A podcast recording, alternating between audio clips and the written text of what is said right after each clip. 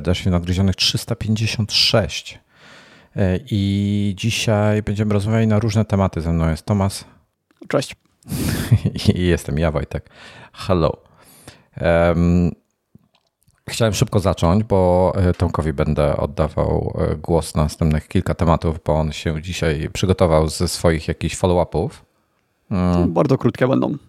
Ode mnie tylko przypomnę krótko, że dzisiaj jest e, wyzwanie Apple Watch, znaczy to Activity Challenge na Apple Watchu z okazji Dnia Ziemi, 30-minutowy chyba trzeba trening w zeszłym tygodniu o tym um, rozmawiać. No, to było tyle. Proszę Tomku. E, to ja chyba już tą odznakę powinienem dostać, ale mam wyłączone powiadomienia, więc on mnie nie informuje jeszcze, o takich jeszcze rzeczach. Nie dostałeś. No, no. Okej. Okay. Tydzień temu rozmawialiśmy o DuckDuckGo, o przeglądarce, wyszukiwarce i namówiłeś mnie, żebym się przesiadł. Znaczy powiedziałem, że zrobię taki eksperyment tygodniowy. Zobaczę, jak mi się z tego będzie korzystało. No ale niestety wracam do Google'a. No. To nie jest tak, że to było tragiczne. Natomiast za każdym razem wyszukując coś, znaczy bardzo często mhm. zastanawiałem się, czy Google by mi nie wypuścił e, lepszych wyników wyszukiwania y, i używałem tego skrótu wykrzyknik G, no i wtedy mi się przerzucało na wyszukiwarkę Google'a. I w wielu przypadkach jednak zdecydowanie wolę te Google'owe wyniki. Y, po pierwsze, mm, na przykład dużo googluję o jakichś serialach i w, w DuckDuckGo faktycznie jest po prawej stronie, tam są różne ikonki IMDB i tego wszystkiego, ale to nie jest tak, że on od razu wyświetla, czy film jest dobry, czy nie, jakie ma oceny na Rotten Tomatoes albo na IMDB. To trzeba po prostu wejść na osobną stronę i sprawdzić. I Google ogólnie ma mm, tak w tej chwili, że y, często nigdzie nie trzeba wchodzić. Wszystko jest na stronie głównej. Y, są takie rozwijane menu. Y, tam jest jakiś jakieś pytanie i od razu odpowiedź. Więc na przykład jeśli szukam jakiegoś tematu, to on od razu pokazuje mi pytania, które zadawały inne osoby, jakieś takie podobne. No i mogę sobie kliknąć i od razu otrzymuję odpowiedź. Więc bez przechodzenia na inne strony mam mnóstwo informacji. Na DuckDuckGo jednak za każdym razem muszę przechodzić. Ja, A jeśli... ja tylko tak się wtrącę, powiem mhm. ci, że zrobię wszystko, żeby tylko nie, nie korzystać z usług Google, wiesz? Mimo wszystko. Mhm. Mm, no i ja jednak jestem, jeśli ceną za taką wygodę jest utrata tej prywatności, tych resztek prywatności, no to okej, okay, to według mnie to jest dobry deal, bo jednak y, ta jakość, którą oni dostarczają, dla mnie jest perfekcyjna. Natomiast ja też bardzo dużo blokuję, no bo mam tego, no mam to blokowanie na DNS-ach, na poziomie routera, mam blokowanie później jeszcze w przeglądarce, więc tych trackerów tak za dużo chyba nie zostaje. Mm, zostają głównie te, które mam na whitelistach w, w tym NextDNS-ie. E, no i, i co jeszcze? E, no, także eksperyment zakończyłem, wracam do Google'a. Może kiedyś jeszcze spróbuję znowu. Gdyby oni zrobili tak jak Google i podawali dużo informacji od razu na stronie głównej, no. a nie w linkach, to to by no dobra, było w stanie jakiś, przekonać. A daj mi, daj mi ciekawość, jakiś, jakiś, jakiś serial, który googlowałeś ostatnio, czy też duckduckowałeś? Yy, wszystkie, które ostatnio oglądałem. Severance. No dobra, e, Severance, da, dawaj Severance. Wpisa, wpisałeś samo mhm. Severance do wyszukiwarki? Tak, tak. Okej. Okay. I co? I, I musisz. No i w Google masz od razu ocenę w różnych e, miejscach. Od razu masz takie zakładki, gdzie, jest, gdzie są zdjęcia aktorów, gdzie się przełączasz między castingiem, między informacjami ogólnymi, yy, czymś tam jeszcze. Okay, no. I to wszystko jest na stronie głównej. No w DuckDuckGo nic z tego nie ma. Tam Widzisz, wszystko jest jako linki. Najgorsze jest to, że to jest tak, że oni to wyciągają, oni, oni te, te dane wyciągają od kogoś i ten ktoś traci, traci wejście. Wiesz co mam na myśli? Mhm. Czyli na przykład no, tak, taki, taki, e, nie wiem, Wikipedia czy Rotten Tomatoes czy coś, e, traci e, odsłonę. Chociaż ja nie wiem, czy oni są jakoś dogadani, jeśli chodzi o te źródła, które mm, mają wyniki tak od razu na wierzchu, właśnie jak te oceny. Nie sądzę, wiesz? Oni po prostu robią co chcą. Mm.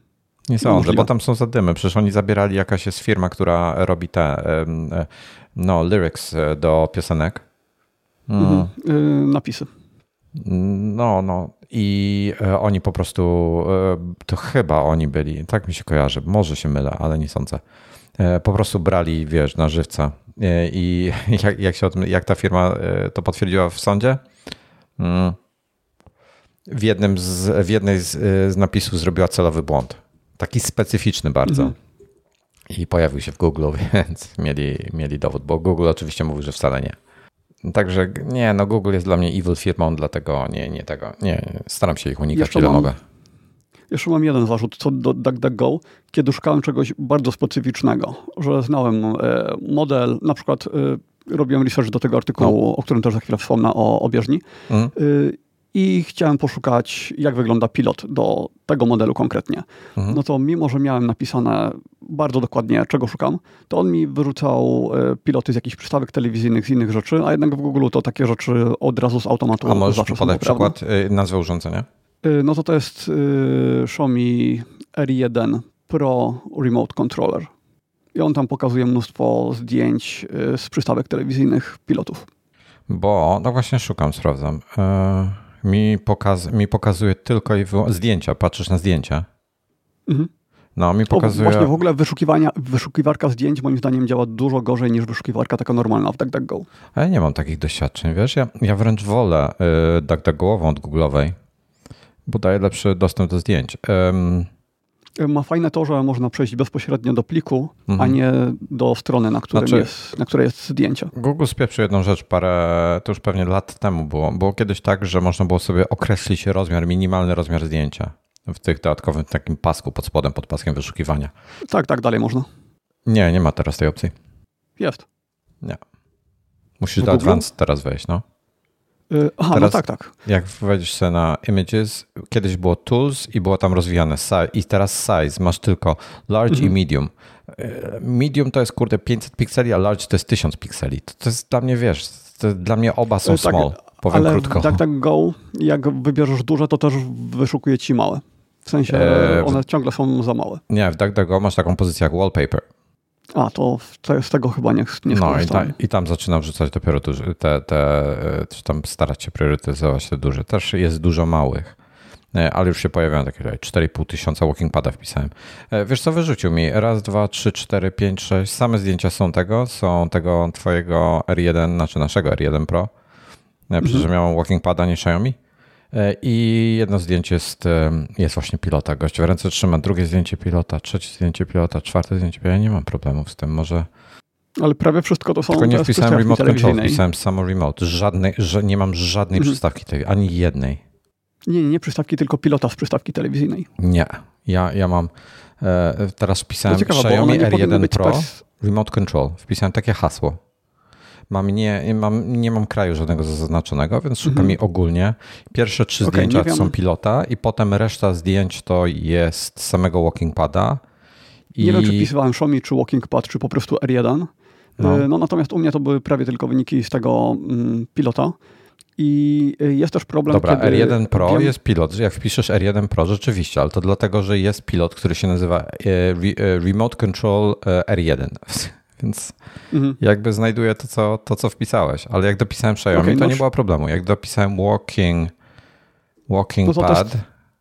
to też mi wyrzuca już tylko walking pada. To też sytuacja, w której śledzenie się przydaje, że on wie kontekstowo, czego, czego ja mogę chcieć na podstawie tego, co, co oglądałem wcześniej. Też miałem problem, bo szukałem różnych badań, które y, no, wiedziałem, że istnieją i próbowałem jakoś tam znaleźć. Y, no to w Google bardzo szybko to znalazłem. W, to, to były też badania związane z chodzeniem, bo potrzebowałem tego do artykułu. Y, w DuckDuckGo, no to tam spędziłem y, więcej czasu.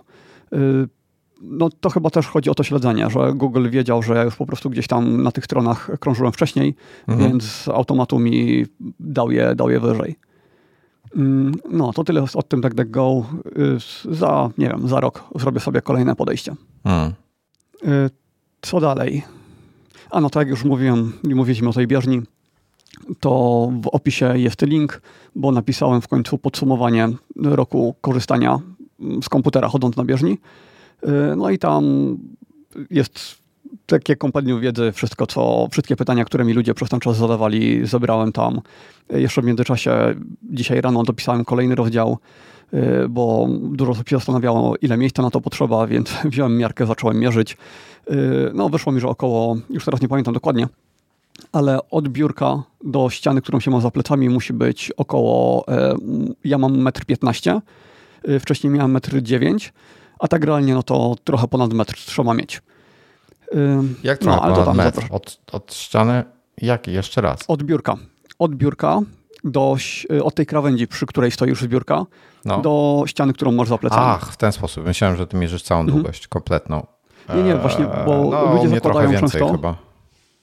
No, ale Mógłbym to jak wsunąć... ja bym przesunął bardziej, to znowu jak rob, zrobię wykrok do przodu, no, no, to kopnę w przód bieżni. Więc u mnie to jest tak, że już nawet nie mógłbym przesunąć bardziej do A, tyłu. To, to ja mam przesunięte tak, że chodzę, że mam ustawioną bieżnię tak, że chodzę idealnie na, na przedniej części jakby, nie kopiąc w ten przód i mam wtedy idealną mhm. pozycję, mhm. ale dzięki temu mogę się cofnąć na tył bieżni, jak na przykład włączę sobie co, jakieś wideo czy coś takiego oglądam akurat, to mogę się trochę zdystansować od komputera, bym chciał ale fakt mógłbym wsunąć bieżnie głębiej, żeby zajmowała mnie miejsce. Mhm. No ja chodzę mniej więcej na środku, bo y, jak miałem te. Jak ty chodzisz na środku, bo jak na, po tym łączeniu, to ci nie przeszkadza? Ona tłucze wtedy trochę. Nie, ja, o właśnie, bo to też było pytanie. I ja tego łączenia w ogóle nie czuję. To znaczy musiałbym zdjąć buty, tak mocno się skupić, y, żeby wyczuć to miejsce, w którym to łączenie jest. W butach to w ogóle nie, nie mam no, mowy. No, tak nie, nie czuć, ale tłuczę wtedy bieżnia trochę, bo tam przeskakuje delikatnie na tym łączeniu. Staram się go unikać. Mm, nie wiem. Ty masz na jakimś dywanie? Dla mnie to to łączenie tak jakby nie istnieje. Tak, na dywanie. A, okej, okay, mam twardej podłodze, to może stąd różnica. Y, no i z tyłu masz też y, mm, te takie nóżki, je się wykręca i wkręca, reguluje się wysokość, więc możliwe, że jest lekko pochyła. Ona ma to beka się pisze, kiedy, gdzie znaleźć linka. Jak będzie, jak wyjdzie ten e, odcinek, to będzie w opisie, a tak to sobie musisz poszukać na Twitterze. Tak, a teraz na szybko to na przykład na moim Twitterze y, i to będzie, i to jest już w tej chwili najpopularniejszy tweet, jaki wrzuciłem, czyli tweet z linkiem do tego artykułu. Y, przybyło mi, nie wiem, tam 15% chyba followersów w ciągu jednego dnia i nie wiem, co się dzieje. Nigdy nie miałem takiej reakcji na Twitterze. No widzisz. Szaleństwo. No dobra. Wszyscy, to teraz wszyscy chcą jakiś... teraz chodzić. A, czemu nie chodzimy dzisiaj na bieżni, tak a propos? Yy, bo wstałem ledwo przed nagraniem odcinka, więc dopiero co zjadłem obiad. Yy, byłem taki zmulony, i, ale też zaraz po wstaniu jeszcze przed yy, obiadem nabiłem 5000 kroków, więc już trochę chodziłem. Mhm. No i stwierdziłem, że tak, wchodzić po chwili znowu taki zmulony, to miałbym, miałbym dość po chwili. Rozumiem. No i pewnie musiałbym jakąś kawę, jakąś kofeinę, e, żeby mieć więcej energii dzisiaj. Mhm. To co, teraz jakiś twój temat? No nie, no lecimy tak, tak jak zapisaliśmy, myślę. To jak z, HomePodem, HomePod łazienkę. Yy, tak. Kiedyś mówiłem, że mam w łazience dwa HomePody mm, blisko siebie, po lewej, po prawej stronie, spięte w stereo. Yy, sugerowałeś, żeby sprawdzić to w mono, yy, to znaczy nie w mono, tylko żeby je rozparować, mhm. żeby nie było stereo. Dokładnie. I sprawdziłem. Używałem tego w ten sposób przez może z dwa miesiące, nie wiem, dwa, trzy. Natomiast, no nie, trzy nie. Natomiast y, u mnie dziwnie to działało. To znaczy, czasami dźwięk z jednego HomePoda był głośniejszy niż drugiego. Czasami, y, jeśli odzywałem się do Siri, to z jednego głośnika ona już nasłuchiwała, a z drugiego dalej jeszcze przez moment leciała muzyka. I ona w tej, w tej chwili wariowała, mm, więc musiałem jeszcze raz jej powiedzieć Yo Siri i wtedy wydać polecenie. Y, dlatego ostatecznie zrezygnowałem z tego, y, wróciłem do pary stereo, no i teraz działa tak jak wcześniej, y, czyli cały czas Siri się odzywa na tym HomePodzie, na którym nie chcę, żeby się odzywała, na takim, który jest w rogu zamiast na środku pomieszczenia. No ale z tym już raczej nic się nie da zrobić musiałbym ewentualnie odpiąć zasilanie z jednego HomePoda, poczekać chwilę, no i mieć nadzieję, że ona się przerzuci na ten drugi HomePod. No ale to jest loteria, tego nigdy nie wiadomo, czy, czy się uda, czy nie. I pamiętam w biurze, tak kiedyś robiłem, no to czasami musiałem wielokrotnie y, rozpinać i podpinać zasilanie, po czym miał tydzień i ona znowu się przerzucała z powrotem na tego HomePoda drugiego, więc darowałem sobie to. Ja nie, nie rozumiem, dlaczego nie można zdefiniować, że chcemy, żeby któryś był, miał priorytet zawsze. Jeżeli jest tak. dostępny, tak. to przełącz na niego. Tak, y, u mnie to się chyba nie sprawdziło w tym pseudomono, dlatego, że te HomePody jednak są bardzo blisko od siebie, bo jakieś, nie wiem, półtorej metra, więc jednak jeśli jeden nadsłuchuje, nasłuchuje, to drugi też zawsze słyszy to, co ja do niego mówię. A gdyby to było większe pomieszczenie, no to on by słyszał, że ten głos dochodzi wyraźnie bliżej któregoś z tych HomePodów. Y, no, okej, okay. to chyba tyle, jeśli chodzi o HomePody. Dalej. HomeKit. HomeKit. Mm, ja przez lata używałem oświetlenia ze scenami zdefiniowanymi w pełni manualnie, czyli i jasność światła, i kolorystyka ustawiona ręcznie. I co kilka godzin miałem automatyzację, która zmieniała kolor i jasność. Więc czym bliżej zachodu słońca, tym e, bardziej żółty kolor, no mniej więcej tak jak jest za oknem, żeby, żeby nie mieć sytuacji, kiedy przez okno wpada żółty, a w kuchni mam e, niebiesko. E, kiwiasz głową z, z, z deaprobat, jak to się mówi, z dezaprobatą.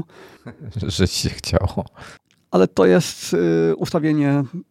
Ok, w Polsce to byłby problem, bo dzień się przesuwa, raz jest dłuższy, raz jest krótszy a u mnie to było stworzenie tylko kilku scen i przypisanie je na sztywno do konkretnych godzin, więc prosta sprawa. No, ale ostatecznie, skoro mamy ten y, Adaptive Lighting, czy jak to się tam nazywa, no to chciałem to przetestować. I skoro zmieniłem e, żarówki na Philips Hue w łazience, bo wcześniej miałem jakieś akary, no to odpaliłem sobie ten Adaptive Lighting. I to działa inaczej niż myślałem, dużo gorzej, bo wchodząc do pomieszczenia, uruchamia mi się taki kolor, jaki był wcześniej. Czyli jeśli wszedłem rano do łazienki i uruchomiło się światło takie totalnie białe, prawie niebieskie, i później wyszedłem na cały dzień z mieszkania i wróciłem wieczorem, to wchodząc do łazienki, najpierw uruchomi mi się to, ten totalnie biały kolor i po chwili dopiero, czasami nawet po minucie dopiero, e, przełączy się na ten pomarańczowy. Yy, I dla mnie to jest fatalne, no bo przez to też yy, przechodząc między pomieszczeniami, przez jakiś czas mam inny kolor w jednym pomieszczeniu, inny w drugim. Y, no ale najgorsze jest to właśnie, kiedy wychodzę na jakiś czas z mieszkania i później ta różnica w świetle jest bardzo, bardzo duża. Więc ostatecznie jednak wracam do manualnych y, ustawień. Tylko powiedz mi, czy to u mnie jest coś zepsute, czy to po prostu tak ma i to tak działa? No bo dlaczego on by miał nie odpalać od razu takiego koloru, jak być powinien? A jakie ty masz, od kogo ty masz ten adaptive lighting? Hue. Ja nie mam Philips z tym problemu Hue. żadnego, mi to kompletnie nie mam czegoś takiego jak takie to, co powiedziałeś. Mhm. Że mi się włącza w jednym kolorze i potem się zmienia. Od razu u mnie się włącza w prawidłowym. Okej, okay, czyli to jest coś, coś u mnie nie tak. Yy, to spróbuję jeszcze to zrobić w sypialni i Ale to. Zastanawiam się, co to może być. Strasznie mhm. dziwne. A jakie żarówki? To same żarówki są te Hue? Czy ty przez yy... jakąś dziwną bramkę nimi sterujesz? Jaką masz bramkę do tego? Nie, oryginalna bramka z Philipsa. Ta kwadratowa? Tak. To nowsza. Mhm, tak, ta obsługująca HomeKit. I masz Adaptive Lighting włączony w, HomeKit, w aplikacji Home. No tak, mam to ustawienie takie automatyczne. A tak. sterujesz tym przez aplikację trzecią? Mm, nie przez Home. To znaczy automatyzacja, automatyzacja jest zrobiona w jakiejś tam innej aplikacji, tak.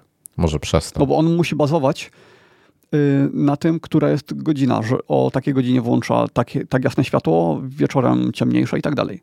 To może być przez tego. Ja bym wywalił tę automatyzację z tej trzeciej aplikacji i spróbował tylko przez Home. Na razie w ogóle bez automatyzacji na początek. Żadnych. Zobaczyć, jak się zachowuje. A potem dałbym automatyzację przez Home i potem ewentualnie przez aplikację trzecią znowu, to byś zobaczył. Bo Ale ja, jeśli zrobię to. Mhm. Ja tylko z aplikacji Home korzystam i tam auto, automatyzacja mam i nic, nie, nie mam żadnych problemów z tym. No ale bez tych warunków mm, tak, ale chodzi, ta, tylko do, tylko do celów testowych. No tak, ale to podejrzewam, że nie będzie mi się chciało, bo nawet jeśli wynik wyjdzie pozytywny, że to faktycznie jest wina e, to wtedy tego, masz, To wtedy do dewelopera piszesz i mówisz, jak się zachowuje w takich, a nie innych sytuacjach, bo on pewnie tego w życiu nie przetestuje i nie będzie miał warunków do tego i możesz mu ładnie opisać i on to naprawi i będziesz miał działające. Mm, to wiesz, że 50 razy zdążyłbym ręcznie sobie ustawić po prostu kolor taki, jak chcę. Mm, no dobra, zobaczę. Najwyżej zrobimy follow-up za jakiś czas. No, nie. To... Jeszcze jeden eksperyment był, tak? Mm, twój? Y, Czy A nie, to, to już, y, nie, nie, był z DuckDuckGo, był z HomePodami i no. był z tym Adaptive Lighting, to już wszystkie. Tak, omyśl sobie jeszcze coś chciałeś pokazać. Logitech w końcu wypuścił nową myszkę wertykalną, nazywa się Logitech Lift. Tak, pa I... Paweł chyba u nas testuje. Mhm. Chodź. Będzie pewnie recenzja w tym iMacu za tydzień. Niechcący cię wyciszyłem na moment, więc nie wiem, co powiedziałeś. Że recenzja powinna być za tydzień okay. w iMacu. Możesz już coś zdradzić? Nie, bo ja nie używam. E, Paweł Hać używa u nas. Dobra, bo e, Logitech miał wcześniej myszkę wertykalną, która niestety mimo ceny takiej jak MX Master, no, no. no była droga, e, to ona była dużo gorsza, bo no to tam była tak jakby generacja wstecz, czy nawet więcej, więc nie widziałem sensu w kupowaniu myszki, która już na starcie jest dość prymitywna, bo by, byłby to duży krok wstecz, przerzucając się z Mastera 3. No a ten Lift, on podobno jest modelem niższym. Tak jakby ten poprzedni dalej zostaje modelem topowym, przynajmniej widziałem y, na TechCrunchu, czy gdzieś tak to opisali. Y, no i ta nowa jest tańsza, bo ona kosztuje chyba 79 czy 69 dolarów, ale w Polsce jest droga, bo kosztuje ponad 300. Y, więc trochę tak jak model topowy. Dlatego nie wiem, czy ją kupować, czy czekać na jakiś model wyższy, może się pojawi. No bo jednak myszkę zmieniam tak rzadko, że chciałbym kupić taką, jak będzie najlepsza, no bo MX Performance mam od 12 lat chyba, od 10 na pewno. Ty jesteś praworęczny. Tak, a lift jest i, na, i, dla prawo, i dla leworęcznych. Są Ale dwie to, wersje. Bo nie, myślę o masterze. Master jest taki częściowo pochylony, a master jest jednak bardziej zaawansowany od lifta, tak czy inaczej. Mam mastera. Ja, ja mam chyba został przy masterze. Mm, Osobiście. No, tak ludzie chwalą tą ergonomię myszek wertykalnych, no. że chciałbym spróbować. Jest, to, jest to zdrowsze, jak się dużo używa komputera. Tak. Ja nie korzystam z tak, tak mm, nie wiem, ja mam przy, przy komputerze tym, przy PC mam e, Logitecha tego e, G Pro, tego dla graczy. Rewelacyjna mhm. myszka. Brakuje jej rzeczy takich do, wiesz, do pracowych, tego kółka, co możesz, co, co samo się kręci, na przykład nie ma, bo to waży dodatkowo, ona tam waży 60 coś gramów, więc ona jest super lekka. I teraz tam mają tą nowszą jeszcze, Super Light chyba nazywa się. E, ale to, to i ona jest bezprzewodowa i super szybka. W ogóle jestem pod wrażeniem tej myszki. No, ja przez ostatnie, nie wiem, 6 lat starałem się zrobić moje miejsce pracy najbardziej ergonomiczne, jak to tylko możliwe. I już wszystko mam, tylko ta myszka została. Masz Więc spróbować, dlatego ja tak. masz chyba dwa tygodnie na zwrot, prawda? Czy nie? Czy u ciebie tak to nie mm. działa? Jakiegoś... Standardowo nie, natomiast nie wiem jak będzie w przypadku Logitecha. Y, no w Polsce pod tym względem na pewno jest lepiej. Y, bo myszki wertykalne są też bardzo tanie, takie za 10 dolarów. Mnóstwo tego jest. A ty wy macie jakiegoś Amazona czy coś? Mm, lokalnego nie. No, że masz generalnie... Mogę zamawiać... Hmm. Ze Stanów kiedyś zamawiałem i bardzo się to opłacało, ale ostatnio, tak z rok temu, yy, masakrycznie zmieniły się stawki, nie wiem, czy chyba nie przesyłek, tylko podatków.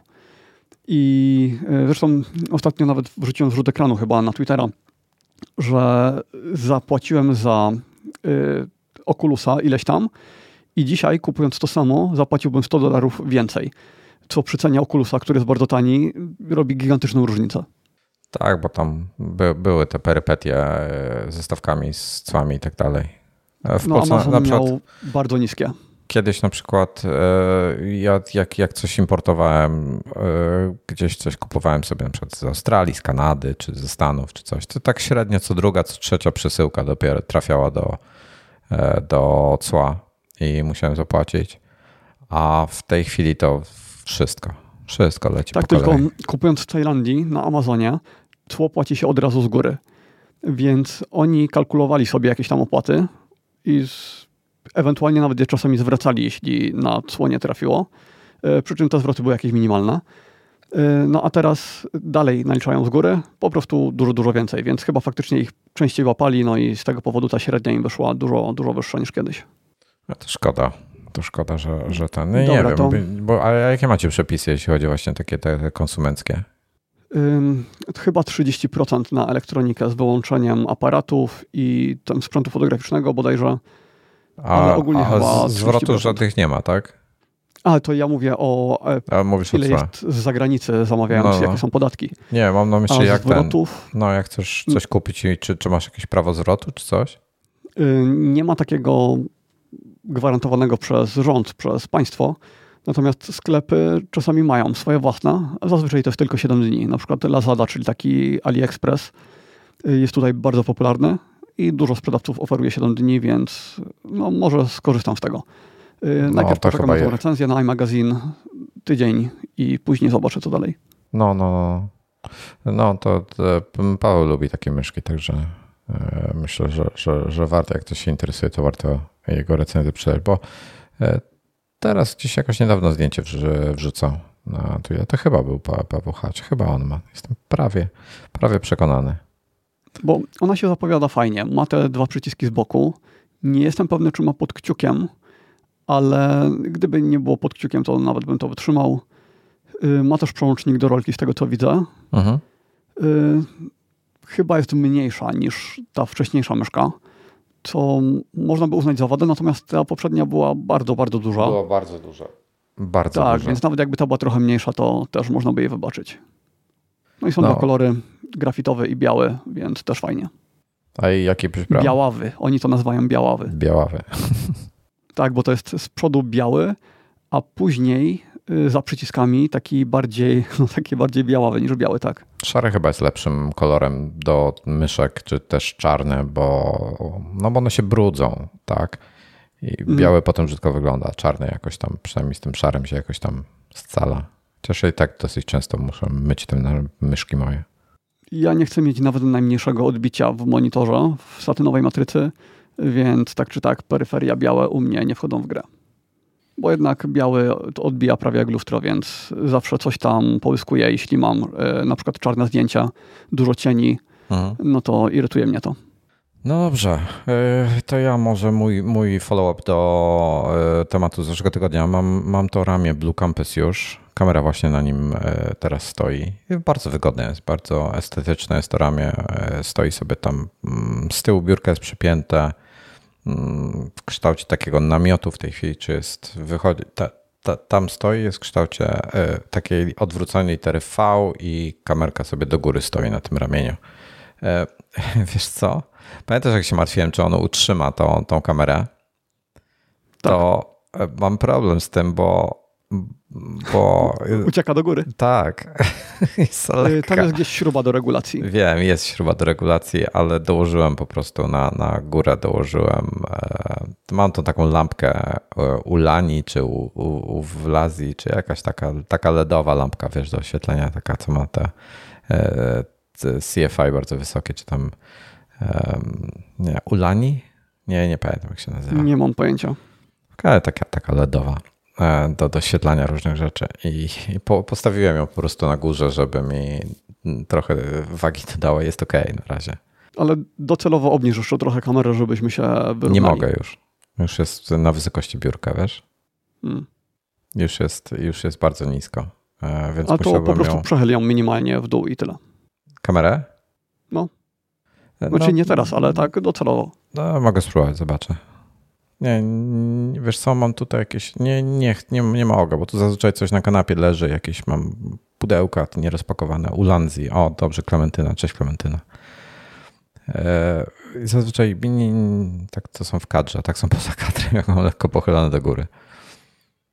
E, co tam No dobra, to dalej najwyżej jeszcze? ja, ja będę zmieniał u siebie. E, Jest ok, jest, jest, jest dobre to ramię. Mm, Nie jest to idealne rozwiązanie, w sensie pewnie są lepsze, ale, ale nie, nie kojarzę e, teraz takiego, który by mi pasowało. To ramię jest bardzo estetyczne wizualnie. Mam problem tylko z tym, żeby mam poprowadzony ten przewód od e, Camlinka, to właśnie musiałem spojrzeć na nazwę. Przewód od Camlinka, on jest w ogóle za długi, e, ten Camlink. I w tym ramieniu mam poprowadzony ten kabel, to jest USB, e, przepraszam, to jest HDMI, mikro HDMI czy coś takiego, tak? Yy, chyba zwykłe HDMI. Nie, do kamery mam taki malutki wtyk HDMI. A do kamery to tak. Mhm. No i ten, mniejszy. i ten kabel idzie aż do Camlinka. Tam od strony Camlinka jest HDMI duże i potem z drugiej strony jest USB. No i to jest za długie. Ten kabel mam za długi. Nie wiem za bardzo, co z nim zrobić właśnie. Jakoś go chyba muszę zwinąć i przymocować. Nie wiem. Nie, nie mam pojęcia, co z nim zrobić. Denerwuje mnie No to. jak masz biurko podwyższone, to nie myślałeś, żeby sobie ten koszyk jednak dokupić do zarządzania kablami? Ten taki podwieszany pod blatą. Ale, to, ale ten kabel jest jakby, on mi wychodzi z ramienia, nie wchodzi pod biurko nawet, wiesz co chodzi. Wychodzi z kamery, Mm. idzie po ramieniu i potem z dołu ramienia wychodzi na biurko, żeby do komputera się podłączyć. I mam jakiś luźny metr na tym biurku kabla. Y, Ja kiedyś kupowałem wszystkie kable na wymiar i takie no co do pół metra y, obliczone. No, może tak I zrobię. zawsze, nie, nie, to jest, y, zawsze tego później żałowałem, za każdym Tak? razem. Że co? tak, że bo- gdzieś ci brakowało, no bo- bo potrzebowałeś coś zmienić? Nie, nie, było idealnie. do momentu, aż potrzebowałem cokolwiek zmienić w setupie. No. Aż potrzebowałem komputer przenieść na inną stronę albo cokolwiek. Mhm. Albo e, okazało się, że mikrofon jednak lepiej jak będzie z drugiej strony biurka. I ja tak już miałem i z tymi kablami HDMI, które były do kamer, i z kablami USB, z przedłużaczami do nich. Więc nigdy więcej. Teraz kupuję nadmiarowe kable, zawijam je i wrzucam za, za komputer e, taką rolkę. Okej. Okay. Rozumiem. No dobrze, chyba nie, nic więcej nie mam do dodania, jeśli chodzi o tego, o tego Blue Campus. Poza tym, że cena jego poszła bardzo, bardzo mocno do góry. No w ogóle nie wiem o co chodzi. Jest normalnie dostępny w sklepach tak jakby bez problemów za 750 czy 700 czy 750 zł, co jest w ogóle chore. No nie dałbym tyle za coś takiego, absolutnie. E, był, był wcześniej, udało mi się go zamówić chyba za jakiś rejon 550 a wcześniej jak, kupował, jak, jak to zamawiałem, to było po 350 jakoś tak. W ogóle jakaś mhm. przepaść. Na nie pewno, wiem o co chodzi. Nie wiem skąd ta różnica. Road, na pewno Road PSA 1 tyle kosztuje, 350. A przynajmniej tyle ja za niego dałem dawno temu. Nie wiem ile dzisiaj kosztuje, wiesz? Aż, aż wejdę na... Kurde, mikrofon. Aż no bo to nie może być zerknę. shortage, no bo to jest kawałek blachy i, i tyle, no. I śrubka. No. E, no, PSA 1 też. O kurde, panie. E, 400 najtaniej i stoją też po 620. Nie wiem o co chodzi. Czyli to ta słynna inflacja. Ale to wiesz, no, inflacja inflacją, ale poszły ceny prawie dwukrotnie do góry, tak? Hmm. Co jest trochę chore. Nie widziałem, żeby nic innego tak zdrożało. Anyway, um, no także tyle, jeśli o to chodzi. No, ja jestem zadowolony. Zobaczymy, jak to się będzie spisywało. Jeszcze nadmiernie tego nie wykorzystywałem. Dolar podrożał, ale niewiele. Też mówię, jak nawet jak się to wszystko doda, to i tak nie będzie dwa razy e, drożej. Więc nie wiem za bardzo o co chodzi. Dobra, e, next. E, mamy, mamy temat na temat, temat na temat MagSafe'a, tego battery pack, którego mam tutaj.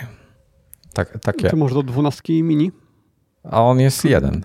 Aha, to jest. Yy, tak, tak. Przez chwilę jest... pomyślałem, że to jest ta obudowa z powerbankiem. Nie, to jest to ten jest, taki doczepiany. To jest ten taki doczepiany MagSafe'em. Nie wiem, czy go widać tutaj. Za, czy, czy... Tak, tak. To ja myślałem o tych takich antycznych, starych. O, złapał chyba ostrość, czy nie? Tak. No. Bo tak pokazuje do kamery powerbank. No i ten battery pack się. Nie, nie wiem, nie wiem, czy mi się aktualnie, bo jest nowy firmware do niego. I normalnie jakby firmware jest mało interesującą sprawą, szczególnie w przypadku battery packa. E, natomiast. No, no, raczej tak. Raczej tak. Natomiast ten firmware zmienia moc ładowania e, urządzeń z 5 do 7,5 W. Co wbrew o, to no, dużo. To jest duży skok. I zastanawiam się w ogóle skąd, skąd się to wzięło i czemu dopiero teraz, bo to jest to już ponad rok od, od premiery te, te, tego battery packa. E, zrobili taki update i nie mam pojęcia dlaczego, nie, wiem co za tym wszystkim stoi, ale fajnie. Nie używam z niego, nie, nie korzystam z niego za często w tej chwili, e, bo Pro mi trzyma tak pancernie baterię po prostu, że w ogóle nie ma potrzeby. E, ale przy miniaku to jest obowiązkowe akcesorium. Żeby nawet nie tyle, żeby go mieć przyczepionego na plecach, tylko żeby gdzieś go tam w torbie mieć, żeby leżał w razie czego. No, mnie się podoba to, że iPhone wie, że to jest powerbank, a nie normalne zasilanie, więc nie próbuje y, tam pobierać zdjęć i tego wszystkiego, nie robi tych wszystkich synchronizacji, nie zużywa dodatkowo baterii. Clementina, Real Time Follow-up. Clementina pisze, że PSA 1 ma dwa modele podstawowe i taki z rękawem. Szczerze y, nie zauważyłem różnicy tam, bo ja patrzyłem na cenę, a tam te opisy są mało um, precyzyjne, więc może rzeczywiście dlatego jeden jest droższy, a drugi, drugi nie. Ale na pewno były bez mikrofonów, jakby to nie był jakiś taki setup, gdzie czasami można kupić PSA jeden razem z mikrofonem, razem z koszykiem, jakieś tam akcesoria, kable i tak dalej. Taki gotowy zestaw. To, to taki nie był. Dobrze. BMW wypuściło e, nową siódemkę. Mm. Na iMagu e, znajdziecie e, sporo zdjęć, bo powrzucałem, wziąłem, wybrałem najciekawsze zdjęcia prasowe, jakie były i powrzucałem ma kilka ciekawych technologicznych e, zabiegów. E, przede wszystkim ma ekran, kurde, 33 cale, 8K i e, tylne rozkładane fotele. Więc pytanie, słuchaj, Nie wiem, ile ta bębica z tym wszystkim będzie kosztowała, ale zakładam, że tak pół bańki to będzie lekko. Myślę, że więcej. Myślę, że dobrze wyposażone to trzeba pod milion złotych liczyć. No to pytanie, co taniej? BMW, która możesz sobie pojechać i przestawić gdzie chcesz, czy, czy kino kupić taniej? Ale ten, y, ten ekran tutaj widzę, to jest jakaś ultra panorama taka szeroka, tak? Tak, tak, tak, tak. To jest chyba 21 na 9 czy coś takiego. Gdzieś nie ma, nie ma w specyfikacji dokładnie podanych, e, podanej rozdzielczości, czy też e, proporcji, więc nie mogłem sprawdzić, ale wygląda tak Piras drzwi 21 na 9 Może no jest trochę może mniej. dodajmy, że to jest, to jest ekran, który się chyba wysuwa z dachu osobom, które siedzą z tyłu, żeby podczas, oglądań, podczas jazdy mogły oglądać jakieś filmy. Tak, 8K. E, nie, nie, nie, chodzi o ten ekran z przodu. Tak, tak, nie chodzi o ten ekran dla kierowcy czy pasażera z przodu, tylko, tylko z tyłu, z sufitu wyjeżdża ekran i e, tak jakby, e, tak jak w limuzynach jest przegroda między przodem a tyłem, to on jakby w tym miejscu się ustawia i siedząc z tyłu możesz sobie rozłożyć fotel, bo siódemka nowa będzie w wersji tylko z rozkładanymi fotelami i tfu, tylko w przedłużanej wersji i więc możesz do każdej chyba zamówić te, te, te rozkładane fotele i wtedy możesz się tam z tyłu rozwalić i sobie oglądać kino. Ja tam widzę e, albo, albo Netflix and Chill uprawiać, jak preferujesz. No i tam ekrany z lewej strony w, jak to się nazywa? Z, w obu tam, stronach. Tak, tak, tak. I z prawej. W drzwiach, tam gdzie są uchwyty, są 5,5 calowe ekrany wbudowane w te uchwyty do zamykania, otwierania samochodu. I... To tak jakby smartfon tam leżał, z daleka to tak wygląda. No, no, no i to jest, to jest pilot, to jest do sterowania wszystkim. W sensie do, do sterowania kinem, jakąś klimatyzacją i tak dalej, i tak dalej. Także tak. A i to jest zrobione w, we współpracy z Amazonem, z Amazonem Fire TV jest opisane, powered by Amazon Fire TV, e, więc jest cały Amazon Prime. E, zakładam, że jest jakiś Twitch e, i pewnie parę innych rzeczy jeszcze. Tam jest gry są, mm, seriale i coś jeszcze. Ale powiem ci, że tak, mm. żeby jak masz dzieciaki z tyłu, tak ja już mówię tak wiesz, bardziej praktycznie i już kupujesz tego typu samochód, to masz spokój przynajmniej. Chyba sobie odpalą grę i mm. będą grały. Gorzej jak jest dwójka i się będą biły o to, co, kto chce w co grać. No ten ekran jest taki szeroki, że kto wie, czy nie da się tam dwóch odpalić jeden obok drugiego. E, właśnie to by było e, to by było fajne, gdyby móc E, podzielić go na pół, żeby osoba z lewej mogła widzieć co innego niż ta z prawej. No, nie zdziwiłbym się, jakby tak zrobili. I tam z przodu też jest coś, co nie wiem, czy jest ekranem, czy tylko jest. To jest ekran. No, z przodu są dwa ekrany, jest taki jedno szerokie, jeden szeroki ekran jakby obudowa dla ekranów i, i, przed kierowcą jest jeden ekran, ten co służy za zegary i tak dalej. On ma tam 12 z hakiem cali. Opisałem, nie pamiętam ile. Drugi ma coś 14 chyba cali i... Ale mnie chodzi chyba o jeszcze coś innego. Jest na środku przedniej deski rozdzielczej i tam możesz sobie YouTube'a włączać.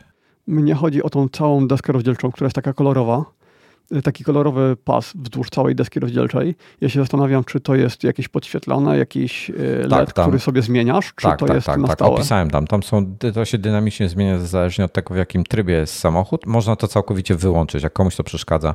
To jest tak jak na desce, zazwyczaj są jakieś takie listwy w samochodach, tak? Na przykład masz, nie wiem, e, masz materiałową, znaczy tfu, e, plastikową deskę i masz jakieś listwy, przykładowo aluminiowe, albo drewniane, albo coś takiego i i tutaj jest podświetlana e, po prostu. E, jest, szklana i z tyłu jest e, ekran, który się podświetla i może jakieś wzory wyświetlać, jakieś kolory różne i tak dalej. W ogóle kosmos totalny. No, jestem strasznie ciekaw, jak to wygląda, ale można to wyłączyć, bo dużo ludzi tam już pisało, że to światło ich rozprasza. Mnie też w nocy rozprasza światło, ja wolę w ciemności jechać w środku. Mm, no ale, ale jak ktoś chce, to jest. A jak się okazuje, dużo osób takie rzeczy chce. No, o samochodach nie wiem nic, więc nie mam nic do dodania. Podoba mi się, jak to wszystko wygląda, poza tymi smartfonami, e, tymi wyświetlaczami, które wyglądają jak smartfony z tyłu. Mm, żeby to chociaż było jakieś wyprofilowane, albo miało jakieś cięte rogi, czy to, no nie wiem. A, A tak to same ekrany, tak? to design wszystkiego. Tak, że to jest taki prostokąt, yy, po prostu zatopiony w tym, yy, no i nie, dalej nie wiem jak to się nazywa, w tym uchwycie, w tym no, no. E, podłokietniku. Y, strasznie mi to nie pasuje do designu całej reszty tego samochodu. Hmm, a mi jakoś tak nie przeszkadza to specjalnie, ale mm, czekaj, aż sobie otworzę jeszcze to, tą fotę, żeby zobaczyć dokładnie, co masz na myśli. Żeby oni to jakoś zaokrąglili, żeby cokolwiek z tym zrobili, a y, wszystko jest takie pozaokrąglone i tam nagle takie ostre krawędzie tego ekranu. No tak strasznie mi się to gryzie z designem całej, całej reszty. No dobra, okej, okay, no rozumiem, co masz na myśli. Tylko kurczę, wiesz co, strasznie no, bo jest, ale no bo w smartfonach to nie przeszkadza. Już normą, że robimy jakieś tam zaokrąglenia, mamy te Liquid, LCD i to wszystko. No, no, ale wiesz co, ale hmm, wiesz jaki to jest problem zdobyć wyświetlacze takie na customowe zamówić? W tej, szczególnie w tej no, chwili, tak, tak. Gdzie, gdzie jest w ogóle problem ze wszystkim. E, mhm. Jakaś firma, w ogóle dzisiaj, dzisiaj czytałem nic, jakaś firma odzyskuje krzem, bo są braki w krzemie, odzyskuje krzem ze starych pralek tak sobie pomyślałem w ogóle, ty oglądałeś ten serial, kurczę, na czym to było? Na Apple, nie, na, na Apple TV? Hmm. Tytuł, tytuł. Nie pamiętam właśnie tytułu. Co taki gość ucieka jakby przed policją chyba i, i zajmuje się odzyskiem wszystkiego, typu jak na przykład um, restauracja wylewa, po prostu wyrzuca z tyłu, z, z, wiesz, na zapleczu mają taki zbiornik gigantyczny i tam zużyty olej wylewają. I, I potem przyjeżdża on właśnie, on przyjeżdża i on ten olej przepompowuje do, do swojego samochodu i e, normalnie on jest gdzieś tam wieziony do utylizacji jakiejś tam, wiesz, żeby się go pozbyć, tak? A on go normalnie bierze, przetwarza u siebie w garażu i z, robi z tego benzynę dla samochodu. Znaczy to jest, wiesz, e, nie benzynę, tylko paliwo. Mhm. Bardziej prawidłowo. I tak sobie, wiesz, i te, jak się popatrzysz na czasami, nie wiem, czy widziałeś te wysypiska śmieci z elektroniką. Nie, nie. O Jezu, wpisz sobie, wpisz sobie kiedyś. To, to, to masz takie kilkudziesięciometrowe góry elektroniki, które po prostu leżą i wiesz, ma na powierzchni kilku kilometrów kwadratowych. I to jest sama elektronika, tylko i wyłącznie. Weź sobie wyobraź, ile z tego można by odzyskać materiału. To jest w ogóle no, niewiarygodne. Z ekologicznych pewnie warto, natomiast y, ile pracy by trzeba było w to włożyć, przeszukać to wszystko, y, rozebrać, przetworzyć, Wiesz, to podejrzewam, że po prostu taniej jest Ale jak się popatrzysz, ile jest, ile, jest, y, ile jest bezrobotnych na całym świecie, to wiesz to mm. naprawdę można by to jakoś sensownie wymyślić. Dlatego w ogóle podział, ta, ta, koncepcja podziału w tej chwili Ziemi na kraje jest zupełnie bez sensu. Bo, no to się zgadzam, tak. Bo jest tyle ludzi, które, którzy są bezdomni. Zresztą wiesz, jak popatrzysz się, jak jest, jak, jak jest kasa porozdzielana pomiędzy regionami na świecie, to, to zdecydowana większość e, jest w, w, w zasadzie gdzie? No, Stany i czy Ameryka Północna i Europa. Mm, no i potem jeszcze e, Japonia i tak dalej, jakieś takie tego, ale, ale wiesz, mówimy tutaj tak ogólnie. I na przykład Afryka jest mega biedna w porównaniu. I... Mhm. No ale to musielibyśmy chyba skolonizować inne planety, żeby Ziemia się zjednoczyła jako jedna całość. Ja myślę, że, że ludzkość jest na tyle głupia, że, że nawet to by nie pomogło. Ogólnie, tak ogólnie, jak, jako mhm. tak jesteśmy strasznie głupi. E, więc no, ale, ale przydałoby się, przydałyby się jakieś takie mega zmiany na, na Ziemi, bo no tak zresztą tak jak kiedyś mówiłem, ci, ci co mają trochę więcej oleju w głowie, to już kombinują jak spieprzać na Marsa. No. Bo to niedługo nie, nie będzie co, co e, nic za roboty. Poleciałbyś? Na Marsa? No. Wiesz co, powiem ci, to, to mi się zmieniało tak przez ale lata. Tak, ale tak zakładając, że tak lecisz tak... i musisz tam zostać na przynajmniej nie, nie no, wiem, ja, lat, ja zakładałem, że, y, że już nie wracam, tak? Y, no, wiesz co, powiem ci krótko. Gdyby, no to taki bardziej realny scenariusz, no. Wiesz co, to wszystko się zmienia z, zależnie od wiekiem. Ja w swoim, wieku, w swoim życiu już wiele rzeczy przeżyłem różnych y, i gdybym, gdybym nie miał nikogo, w sensie gdybym był sam, to nie mam problemu z tym. Ja mógłbym. To ja, bardzo, bardzo ciekawa przygoda by była. Pojechałbym na zasadzie trudno, jak umrę to trudno, jak, jak nie to fajnie i nie, nie miałbym jakiegoś ciśnienia, żeby tu wracać.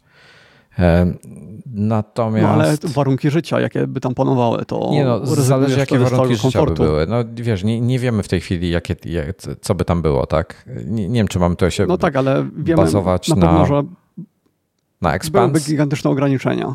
Nie, nie, mówimy tutaj o takiej realnej przyszłości, że Musk buduje jakąś bazę, pierwsze osady się pojawiają, jakieś tam powiedzmy mini miasto pod kopułą, to w czymś takim, a nie, że cała planeta jest kolonizowana, bo to, to jest tak odległo, że raczej nie, nie dożyjemy tego.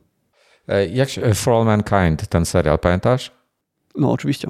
Pamiętasz w ogóle, jaka była fajna? Nie pamiętam, ile sezonów tego były? Dwa sezony były, prawda? Dwa sezony i w tej chwili zaczął się trzeci o, właśnie o Marsie, kolonizacji Marsa. A zaczęli kręcić trzeci, czy zaczęli nadawać? Już odcinki się pojawiły? Nie, już, już nadają z tego co wiem. O, nie oglądam, ja nie, bo nie ja czekam na całość, ale albo nadają, albo w maju zaczynają. Teraz nie jestem pewny. Dobra. To pamiętasz, w pierwszym sezonie w ogóle był ten, ten jeden moduł, tam ciasno było jak cholera i tak dalej. Tak, tak. A potem w drugim już byli zdecydowanie bardziej rozbudowani. W ogóle drugi był, tak, ta końcówka była taka trochę zbyt fejkowa już. już taka. Ja już nawet nie pamiętam zakończenia. Ta coś zakończyła ale... tym ratowaniem te, te dwie osoby, co wybiegły na zewnątrz i wróciły. Mhm.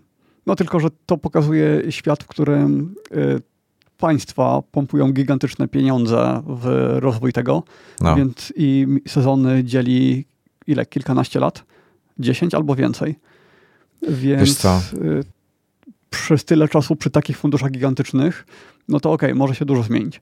Ale jeśli prywatna firma, taki SpaceX, który też się boryka z problemami finansowymi, no to nie, to nie będzie takiego postępu. To pójdzie wszystko powoli.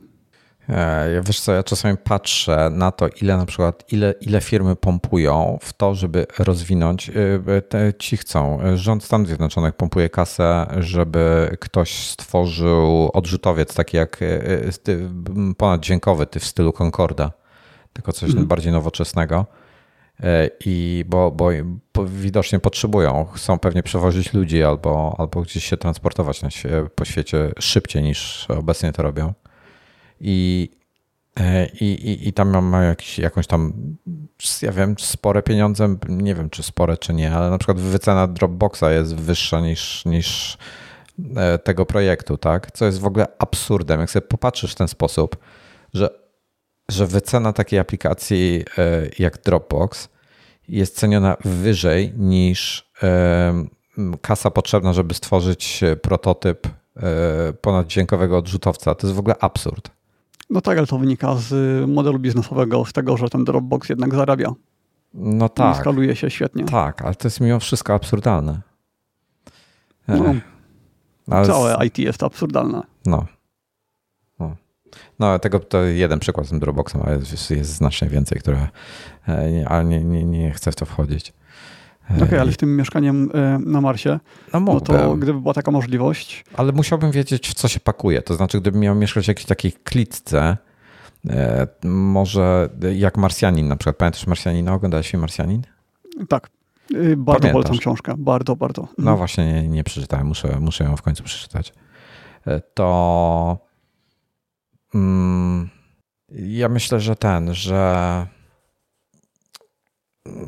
że nie chciałbym do takiej małej klitki. Chyba, że coś rzeczywiście, wiesz, gdybym był, mówię, co innego. Gdyby na przykład Iwona ze mną chciała pojechać też, to moglibyśmy sobie zrobić taką przygodę. Tylko musiałbym mieć jakąś tam perspektywę, tak? Nie, że będę zapieprzał 24 godziny na dobę i harował jak wół, tylko coś fajnego. Gdybym tam miał coś fajnego do robienia, to nie, nie mam z tym problemu. No dobra, ale to masz był sam, to... zapewniona, no. ale rezygnujesz z czasów, z oceanów, z dostępu do oceanów, do dżungli, do lasów. Y, tam nic takiego nie istnieje. Po prostu będziesz uwięziony w tym jednym mieście, które jest bardzo ograniczone, ma no bardzo ograniczone ale, zasoby. Panie, ale byłbym na Marsie.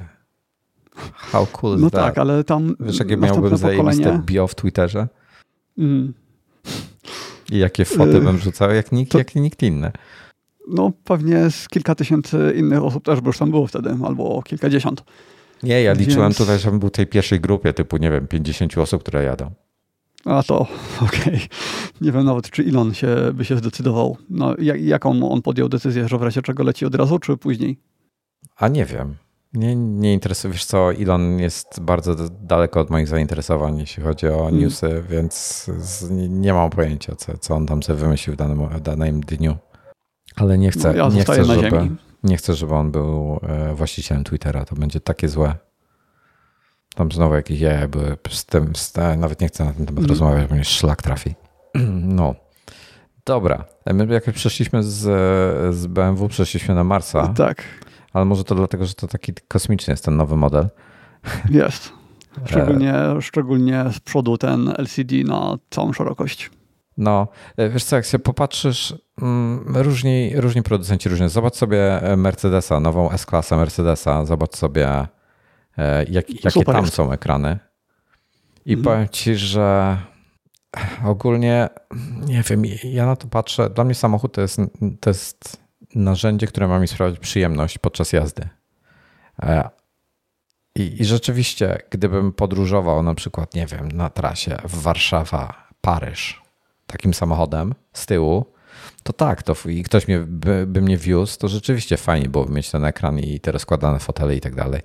Ale tak to ja nie jestem zwolennikiem dotykowych ekranów wszędzie.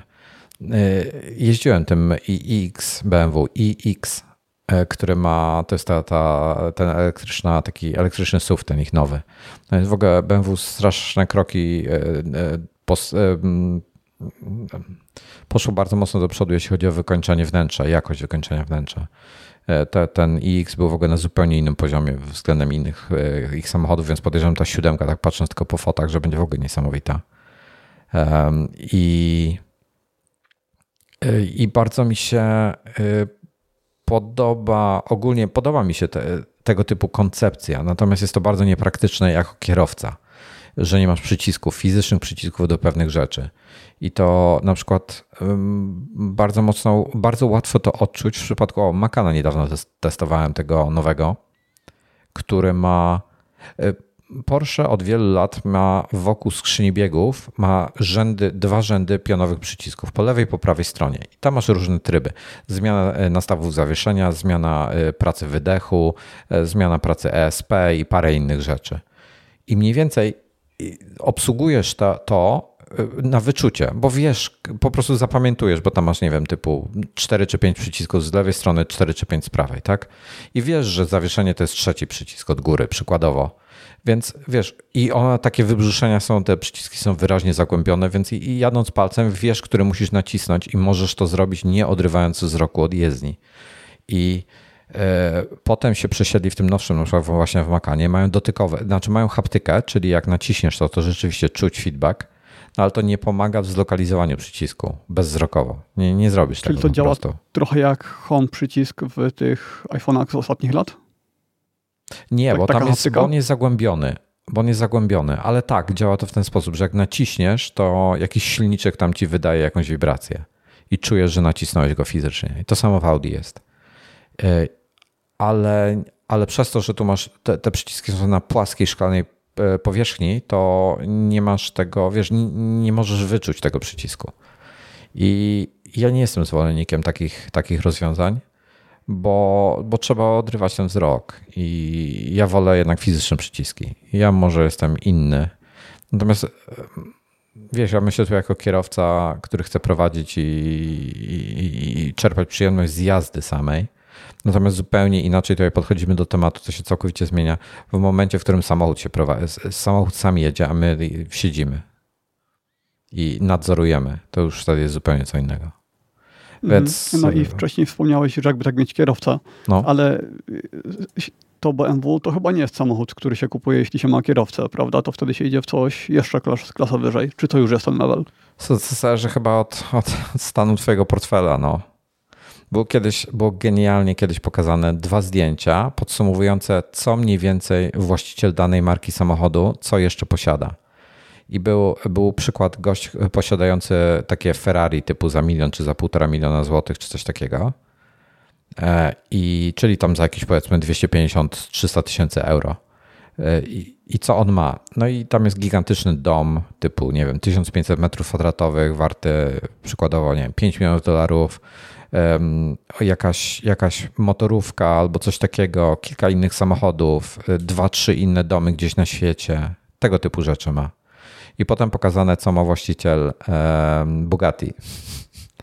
I tutaj i stoi to Bugatti, zamiast tam pięciu, sześciu innych samochodów, to sobie 50, 60 innych samochodów, stoi odrzutowiec lub dwa, taki wiesz, duży, Mm. I, I, jacht warty więcej niż, niż to Bugatti, dużo więcej, wiesz, tego typu rzeczy. Więc to jest taka, to jest przepaść. To jest po prostu, jak myślisz, że jesteś bogaty, bo, bo masz Ferrari, to pamiętaj, że jest gość, który ma ty, ty, gość, który ma Bugatti jest od ciebie 100 razy bogatszy. No, to jest, jest przepaść.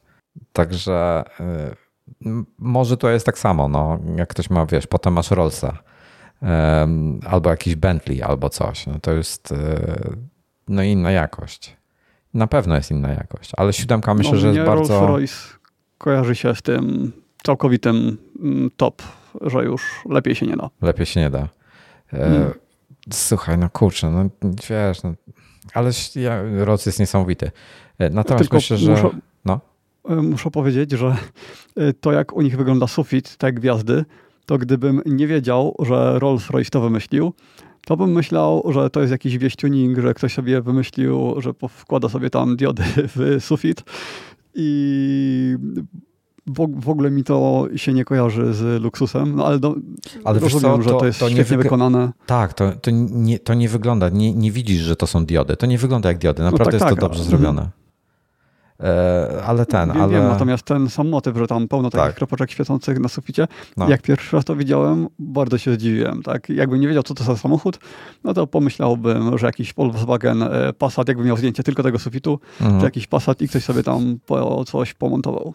Masz sobie jakieś tam wzory. W ogóle niesamowite, czasami fajnie jest pośledzić ich newsroom, bo niesamowite rzeczy robią na zamówienie dla niektórych klientów. Na przykład gdzieś w którymś rolcie teraz, to z rok temu już było, ktoś zamawiał i miał e, ręcznie, e, nie wiem jak to, się, nie wiem jak to nazwać, nawet ręcznie malowany jedwab, czyli wzory na jedwabie były ręcznie malowane w jakiś sposób, czy, czy coś i ten jedwab, i, już nie pamiętam, taki japoński, czy tam azjaty, japoński chyba motyw był a może jakiś, jakiś azjatycki, czy chiński, czy coś, nie pamiętam. I tym jedwabiem był cały sufit chyba wyłożony. Wiesz, no w ogóle jakiś kosmos totalny, po prostu tak niesamowity, typu biały jedwab z jakimś takim, wiesz, taki, takim obrazem prawie, że namalowanym. No, kosmos totalny.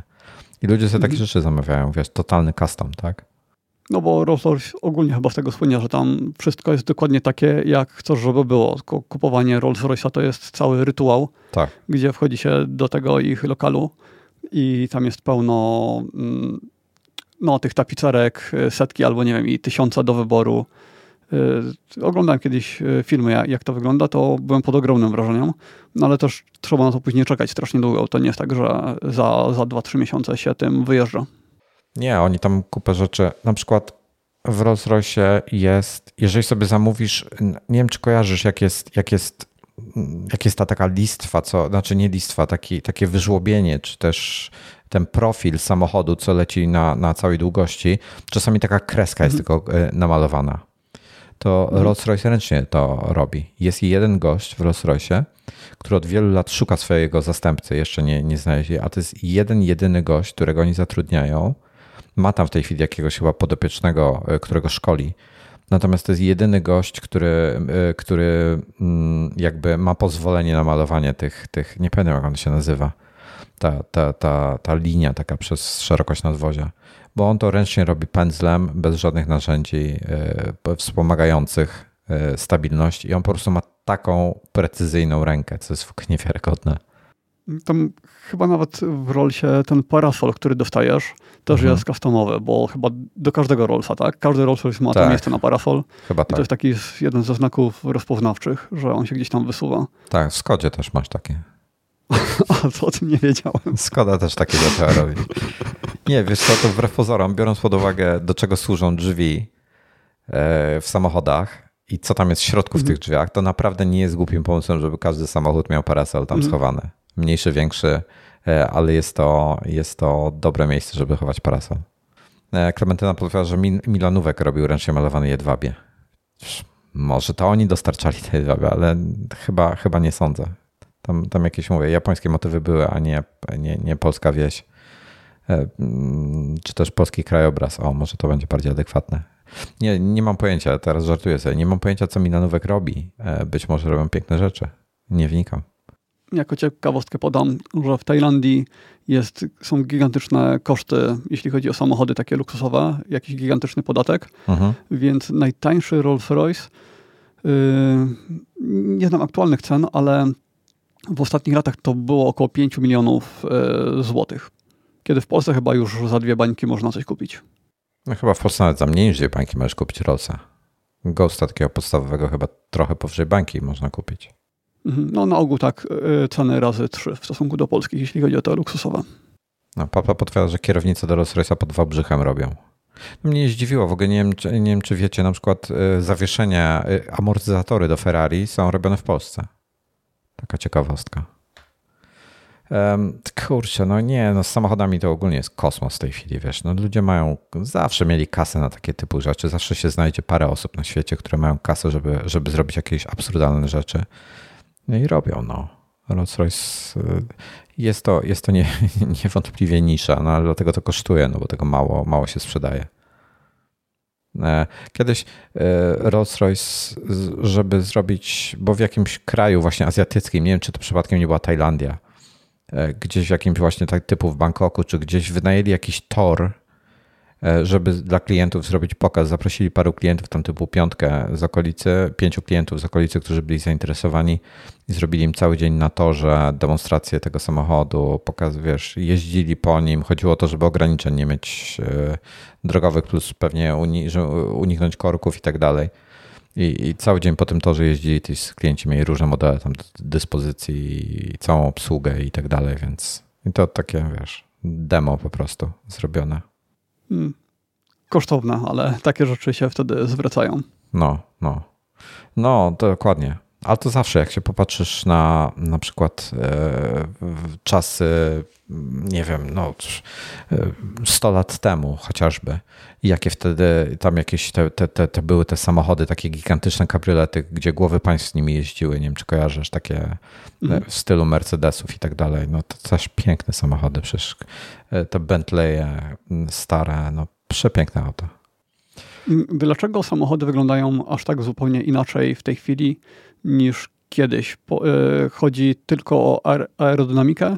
czy te strefy gniotu, e, wszystko. czy bezpieczeństwo strefy gniotu to wymaga takich konstrukcji? Wiesz co, myślę, że wszystko. Nie wiem, czy zauważyłeś, jak masz mini, to nowe mini, to, to wiesz, to nowe mini robione przez BMW. No takie już dość e, dużo. Tak, tak. To, to jak się pojawiła jego pierwsza generacja, to tak jak wzorem, wzorem starego mini e, były te te jakby te wyżłobienia, gdzie reflektory się, e, kończyły się reflektorami i maska była niżej niż reflektory. Czyli reflektory miałeś na tej wysokości, kończyły się, górę ich i potem maska mhm. była ciut zagłębiona. Czyli tak e, trochę retro. No, to w stylu tego starego właśnie miniaka. A teraz maska jest wyżej niż reflektory i to wynika z e, przepisów o bezpieczeństwie. Akurat tutaj były te, te weszły tam unijne przepisy o pieszych chodziło o to, żeby kąt nachylenia maski musi być specyficzny.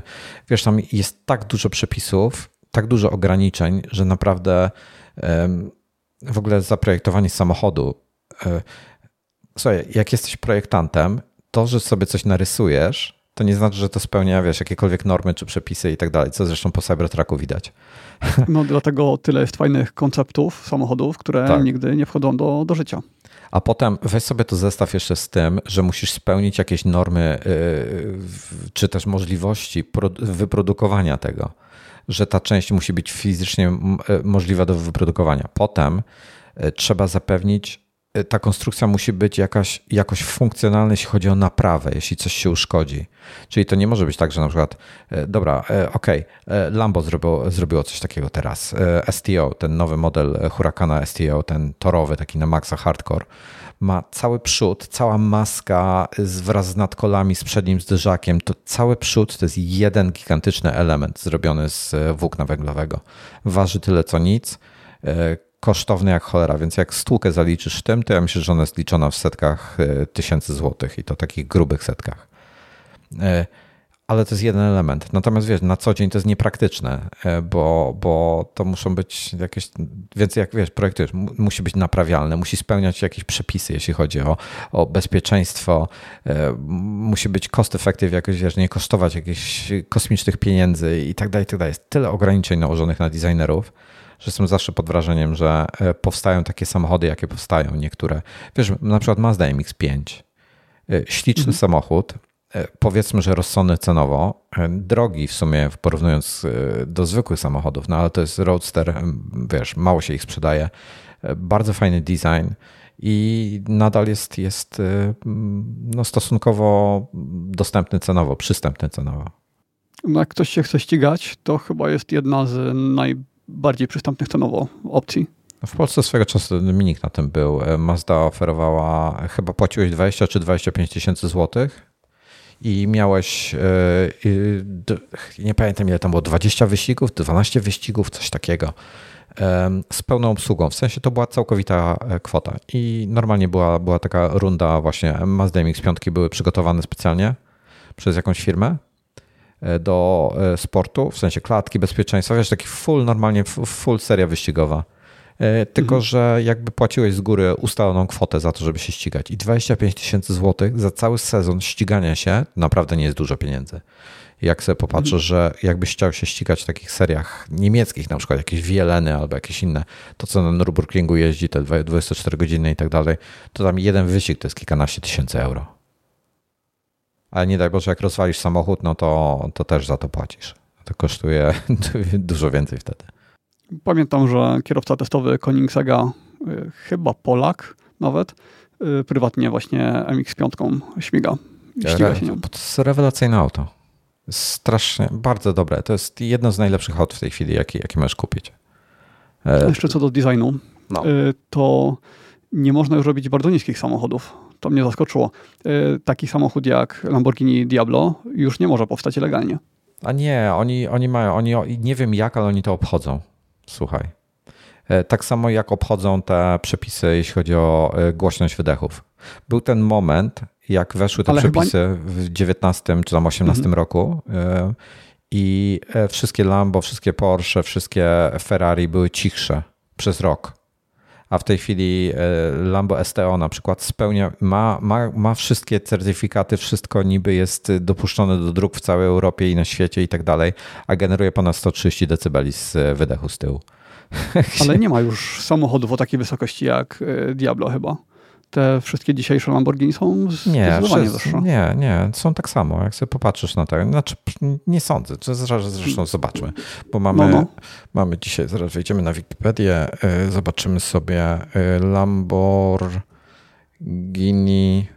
Diablo powiadałeś, tak? Tak. Dobra, zobaczmy Albo Diablo. Chyba, chyba to było Diablo. Które było niższe, Diablo czy e, Wysokość, ten... wysokość Diablo jest 1105 mm do 1115, pewnie zależnie od wersji. Dobra, to weźmy sobie e, lam... Mm, kurczę, jak się nazywa? Nie Hurakan, tylko ten drugi. Um, jeden... No. Jakby to Lambo stało u mnie w pomieszczeniu, no. to przejechałby pod mikrofonem. Aventador. E, ile tam mówiłem? 115, e, czy 100, 105, 105, od 105. Nie, to jest nie, Do 115 w jakichś wersjach. 43 cale wysokości. No to teraz ma 44 cale, czyli tam 1136 wysokości ma e, e, Aventador, ale to może zależeć nawet od wysokości, 2 cm różnicy. No to, to, to wystarczy na zawieszeniu go obniżyć, tak? i już będzie to samo. No, no ale gdyby było to o 105, to jest jednak już zdecydowanie niżej. 1105 Diablo, a ten jest 1136, więc 2 cm różnicy. A, jeden, okej, okej. Okay. 2 cm to jest nic.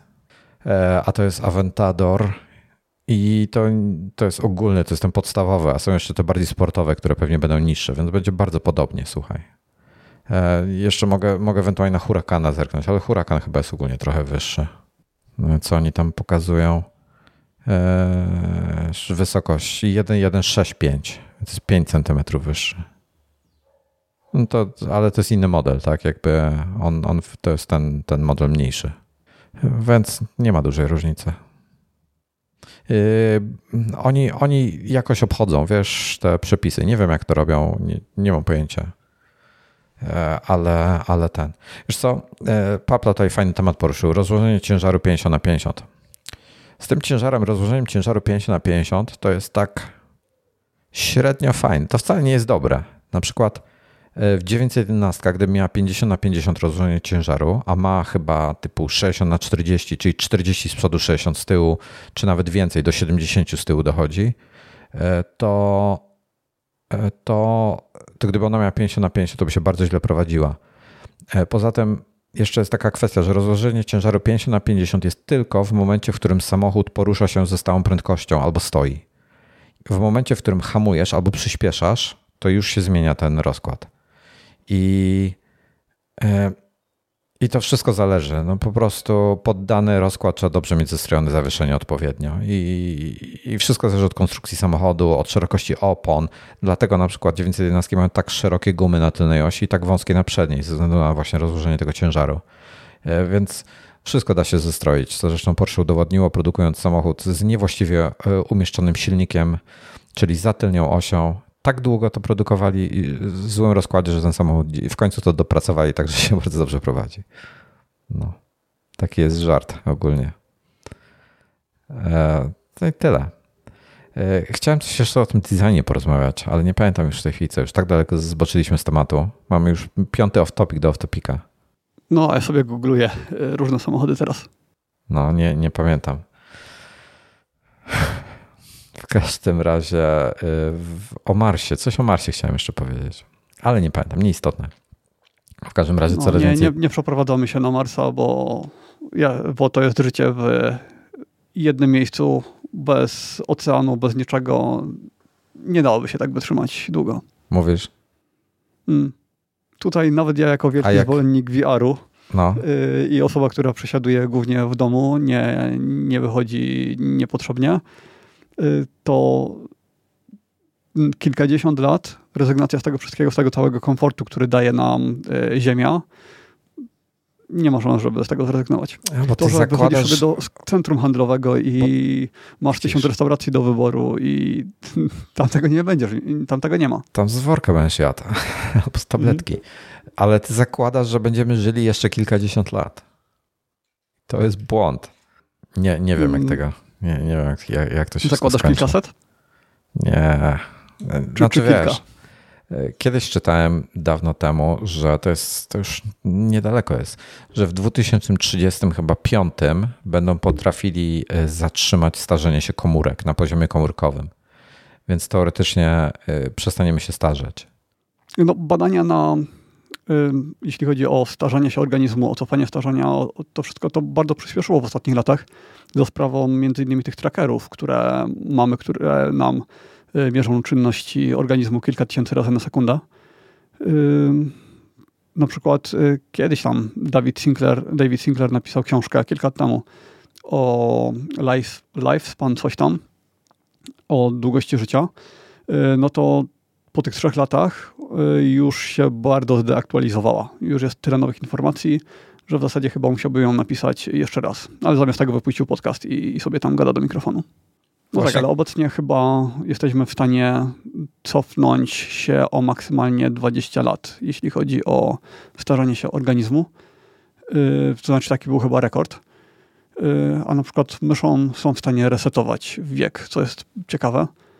Ale to do tego polecam podcast właśnie Davida Sinclaira, który się nazywa Zaraz wygoogluję, jak się nazywa. Chociaż ale... nim tam były różne kontrowersje, ale to nie jest jakaś alternatywna medycyna. E, to jest e, wykładowca na Harvardzie, ma swój wydział medyczny. No ale właśnie było z nim trochę kontrowersji.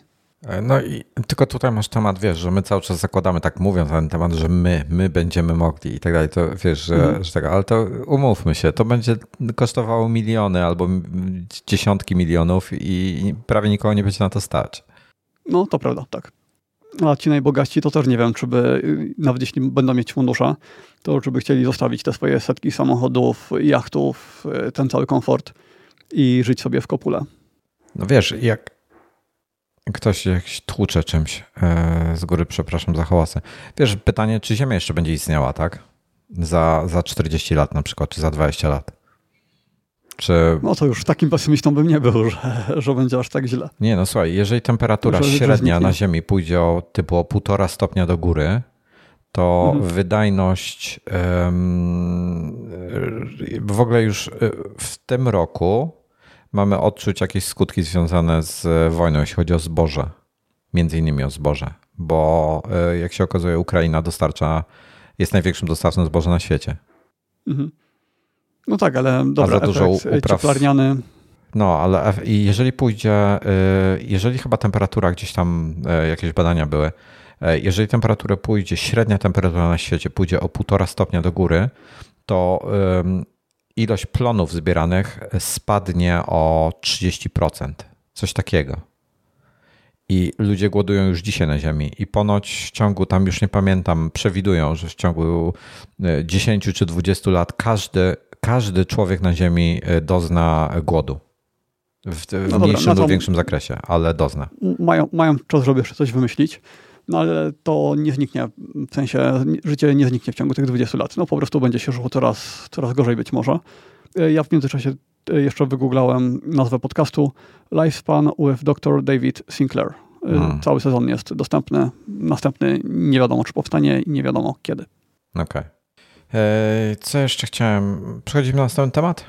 W zasadzie chciałbym dzisiaj trochę wcześniej, nie, no, nie chciałbym tak długo tak. nagrywać, e, mhm. bo pojawiły się te formy do iPhone'a 14. To są testy, na, na podstawie których są robione potem e, obudowy. Znaczy, mm, producenci obudów dostają tego typu kadowe rysunki, na podstawie których produkują budowy i ludzie na podstawie tych kadów tworzą takie dummy phones. To już od lat to mamy. Mhm. Można sobie nawet w 3D wydrukować po prostu, mając te, tego, te, te, te, te wymiary. Sobie w 3D możesz no, takiego iPhone'a wydrukować. na te formy, to one zostały właśnie w 3D wydrukowane, bo te paski charakterystyczne widać. Tak, tak, tak. I, i ciekawa rzecz, bo mają być nadal cztery modele, ale nie ma być miniaka, tylko ma być w tym roku zwykły model w dwóch rozmiarach, czyli, czyli, czyli e, te 6,1 cala i 6,7 cala, czy tam 6,8? Max ma 6,8 chyba, prawda? 6,8. I, e, czyli iPhone 14 Tam ma jest napisane 6,7 na, na tych A może to jest 6,7. 6,1 i 6,7. Mhm. No bo mały jest 6,8 tak, tak. to jest chyba Samsung. I, e, I potem będzie Pro, który będzie, e, który będzie miał właśnie te same wymiary, też 6,1 i 6,7, czyli zwykły i Max, tylko że będzie Pro. I strasznie cierpię z tego powodu. No mnie na pewno będzie boleć brak miniacza. No, mini jest genialny, jest tak genialny rozmiar. Mam cały czas i, e, i mam zamiar teraz, e, jak ten, jak już pod koniec, e, jak będzie wychodził, bo ja chyba 14 nie będę kupował, nie sądzę, abym zmieniał 13 swoją. Wiem, że tak co roku mówię, ale naprawdę nie widzę potrzeby. Mhm. Chyba, że coś rzeczywiście niesamowitego zrobią w aparatach. To jest jedyne, co by mnie ewentualnie przekonało. Ale, mm, ale biorąc pod uwagę Samsunga, tego Galaxy S22 Ultra, to on ma po prostu, on jest lepszy, jeśli chodzi o aparaty. Teraz e, przygotowuję właśnie do iMaga materiał na temat, e, na temat S22 Ultra i, i to sam fakt, że to ma zoom, ten 30-krotny, bo wie, ja wiem, że tam jest stukrotny, ale ten stukrotny, umówmy się, nie używasz do zdjęć, które, gdzie chcesz jakąś tam jakość mieć dobrą. E, ale 30-krotny jest bardzo użyteczny, 10-krotny jest w ogóle dla mnie 30-krotny w większości e, warunków, w zdecydowanej większości. Nie ma zauważalnej, e, zauważalnego spadku jakości.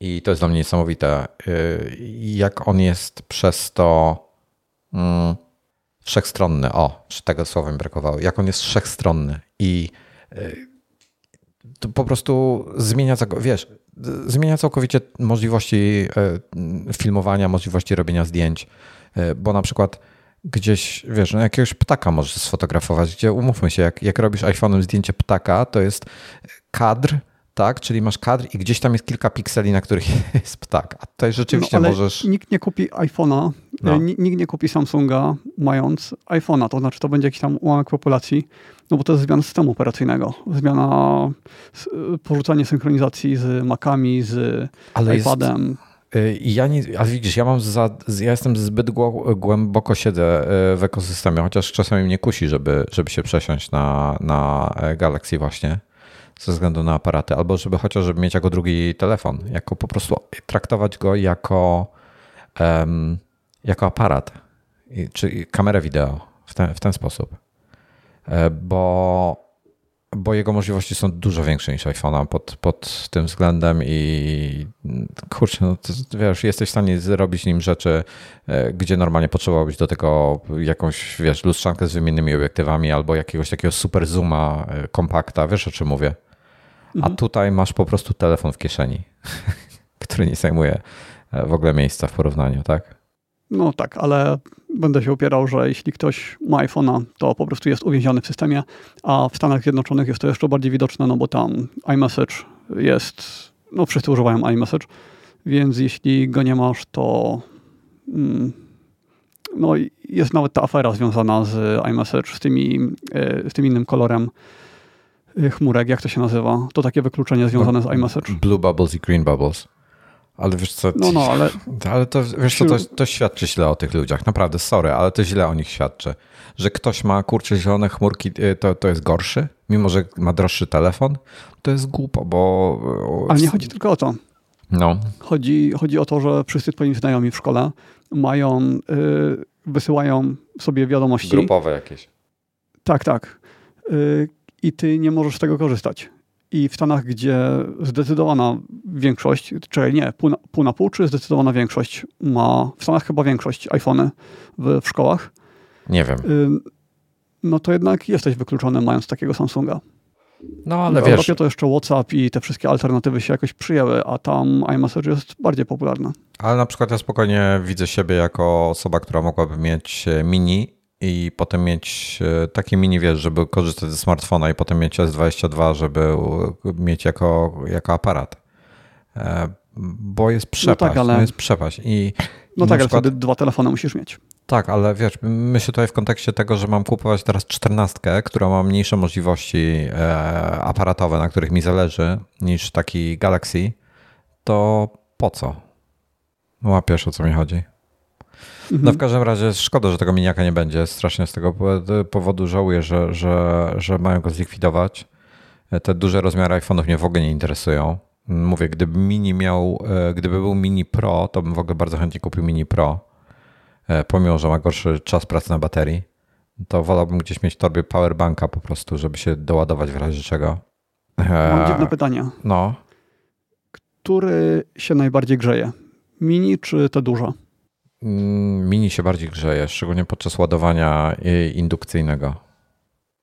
Mm. Dlatego on ma trochę ograniczoną tą moc, bo on się po prostu bardziej grzeje. Mini się bardziej grzeje, no. Szczególnie, ale mówię tutaj o takich sytuacjach, wiesz, lato 30 stopni mhm. na dworze. Mówię o takich sytuacjach. W takich klimatyzowanych czy zimowych warunkach to nie zauważyłem. Mm. Jest takie oprogramowanie, którego planuję dużo używać i ono niestety może nagrywać w 60 klatkach albo w 30 i kiedy iPhone jest ciepły, to się przełącza w 30 klatek i wtedy jest właściwie bezużyteczny. A niestety przełącza się w ten tryb bardzo często na iPhone 10. No i pomyślałem, że to może wina starego telefonu, po czym okazało się, że w 12 i w 12 na pewno też tak jest. Nie wiem jak w 13.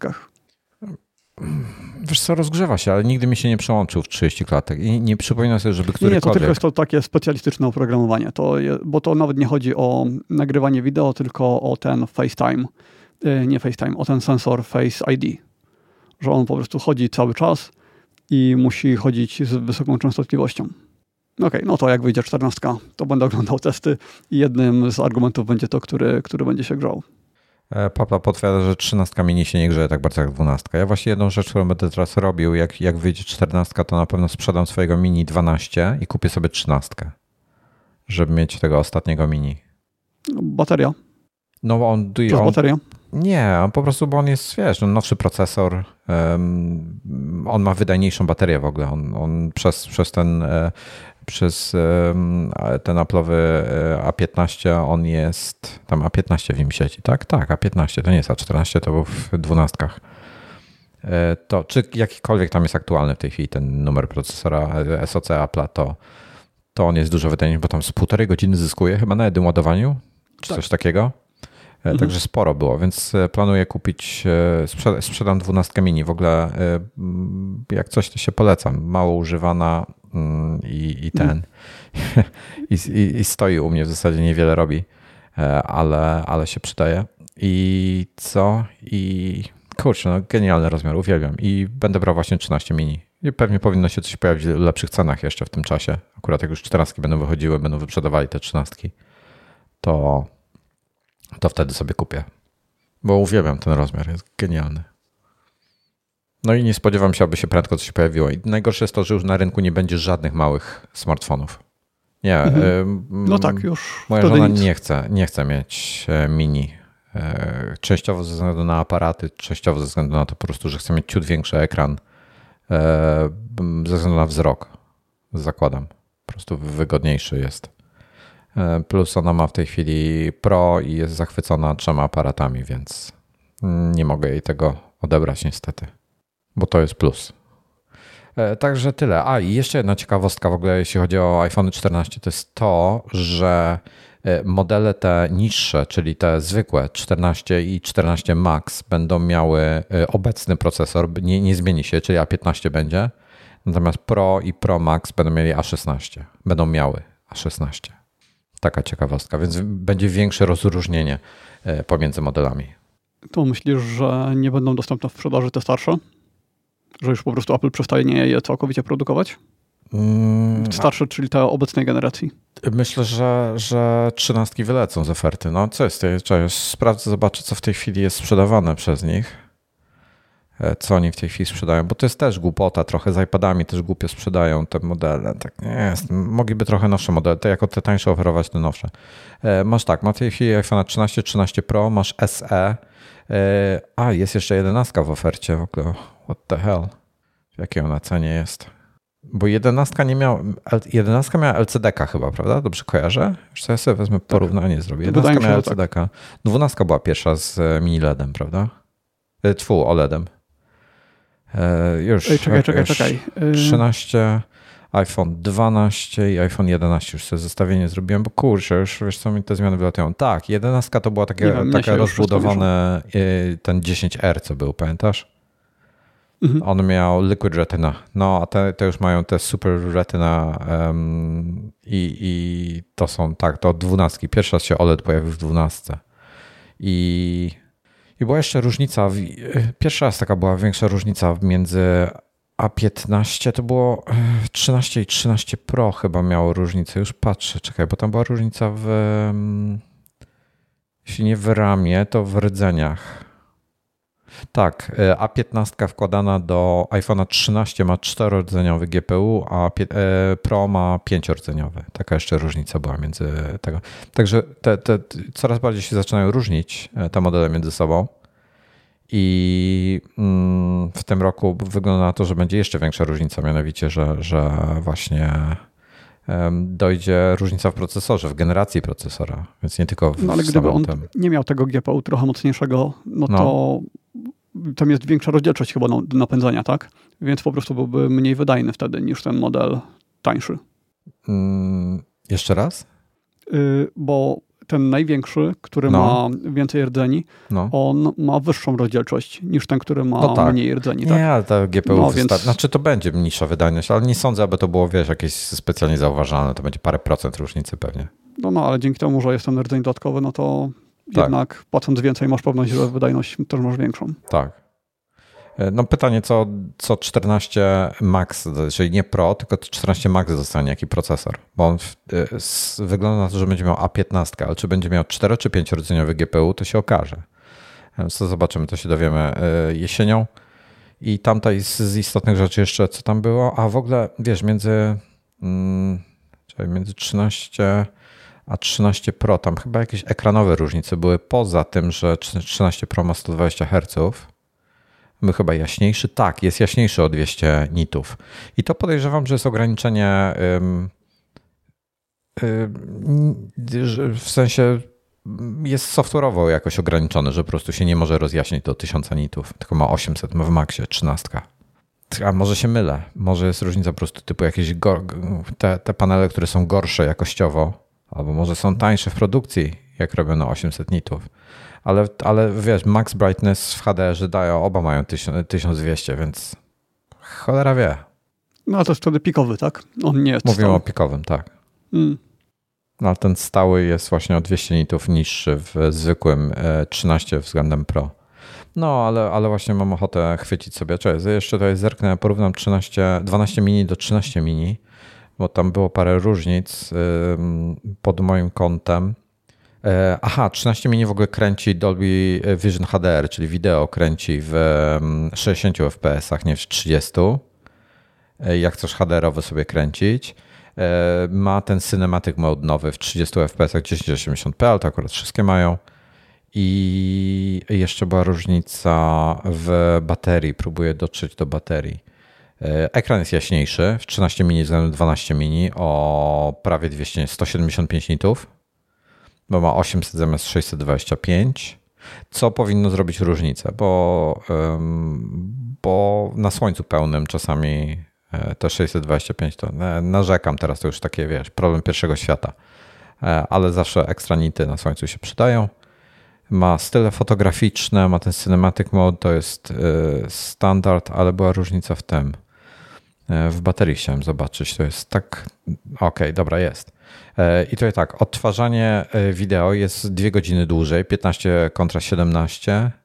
Streamowane wideo 10 kontra 13 audio 55, y, na 55 godzin w 13 i, i ogólnie tam gdzieś, gdzieś mówili, że przeciętnie y, taki, wiesz, przeciętny dzień jako podsumowanie to będzie około półtorej godziny więcej chyba będzie można z niego wyciągnąć, co jest sporą różnicą.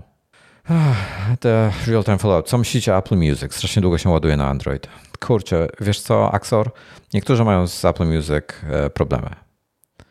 Ja nigdy na Androidzie nie używałem. Ja też e, raz miałem, raz sobie podłączyłem e, jakiegoś Androida właśnie do Apple Music.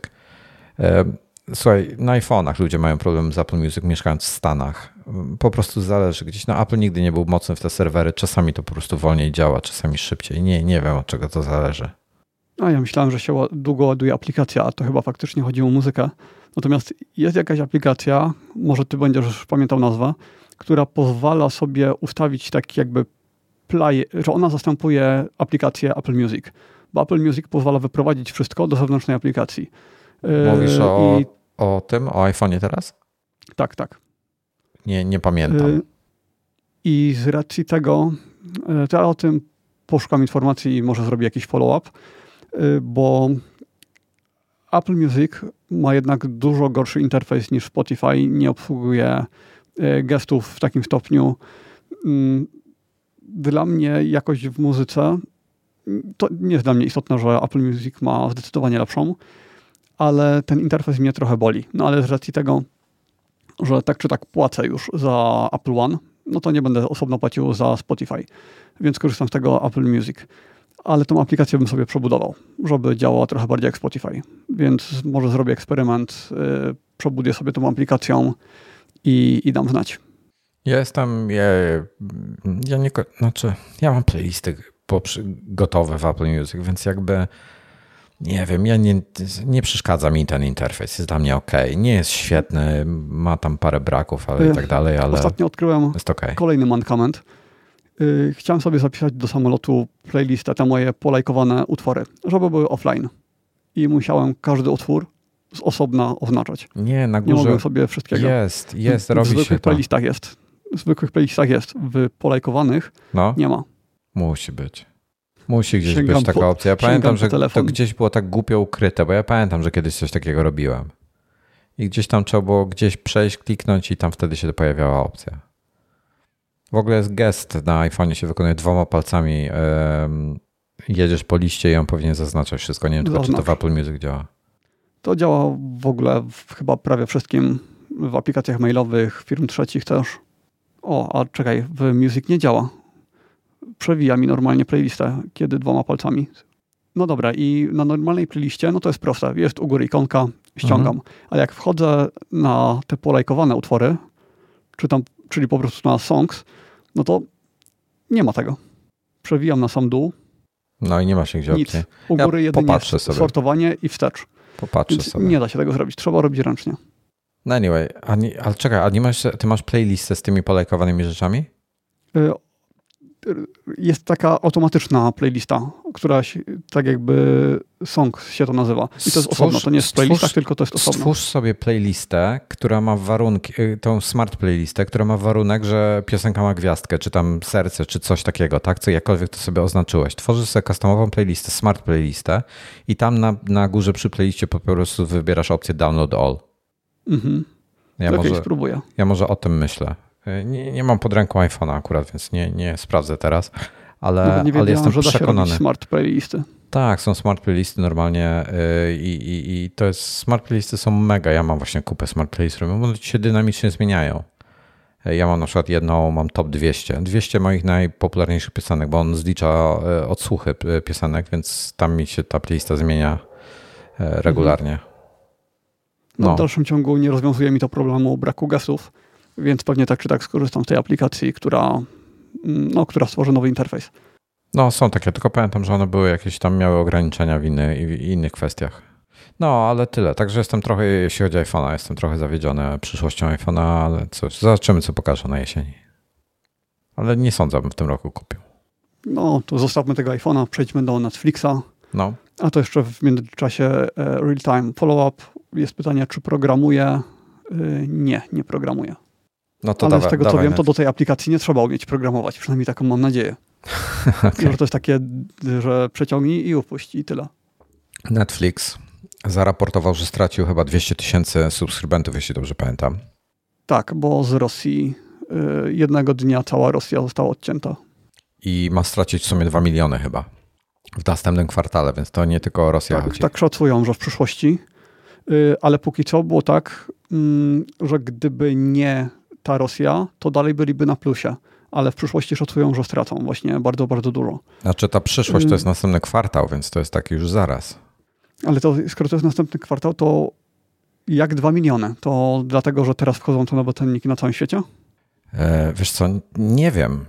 Mm, ja mogę tylko o sobie powiedzieć. Po pierwsze, już byłem niezadowolony, jak było te, e, bo ja płaciłem 40 parę złotych za Netflixa i to było dla mnie ok. Ja płaciłem za 1080p wtedy. I potem musiałem skoczyć na 54 chyba złote, czy nie. Nie, to na mniej było. Potem była podwyżka na 50 i potem była zaraz niedługo później podwyżka na 60 zł z hakiem. Nie pamiętam ile w tej chwili, czy, tam, czy to jest równo ale 60 to już jest chyba przy wyższym pakiecie, to już jest przy tym 4K. To jest przy 4K, ale ja płacę za 4K mhm. i 4 ekrany na przykład. A mnie 4K i 4 ekrany nie interesują. Ja nie potrzebuję 4 ekranów. No i dzisiaj to e... chyba każdy potrzebuje 4K, no prawie każdy. 4K? No teraz już nie, nawet nie da się kupić zwykłego telewizora. Da no się jeszcze. Tylko da, ci, którzy są, kupowali są telewizory 10, bardzo dawno temu. Tak, ale wiesz, no, większość ludzi nie kupuje co dwa lata nowego telewizora, więc ja myślę, że bardzo, że, że zdecydowana większość rynku ma jeszcze 1080p, jeśli w ogóle no, tyle. Tak podejrzewam. To jest niepodparte żadnymi faktami. więc e, no, i, i... Znaczy moje statystyki to też było e, niepodparte niczym. Generalnie muszę powiedzieć, że 60, o dobra, tu mi Cloud Answer podpowiada. 60 e, zł za miesiąc, jeśli chcesz 4K. E, o tej podwyżce to rozmawialiśmy w zeszłym odcinku chyba, prawda? Wspominałem o tym. Tak, tak było no, że jakaś tam ma być kolejna podwyżka. I oni tracą przez to, że robią te kolejne podwyżki. A robią kolejne podwyżki, bo produ produkują śmieciowy content. Z dużo śmieciowego kontentu, który kosztuje dużo pieniędzy.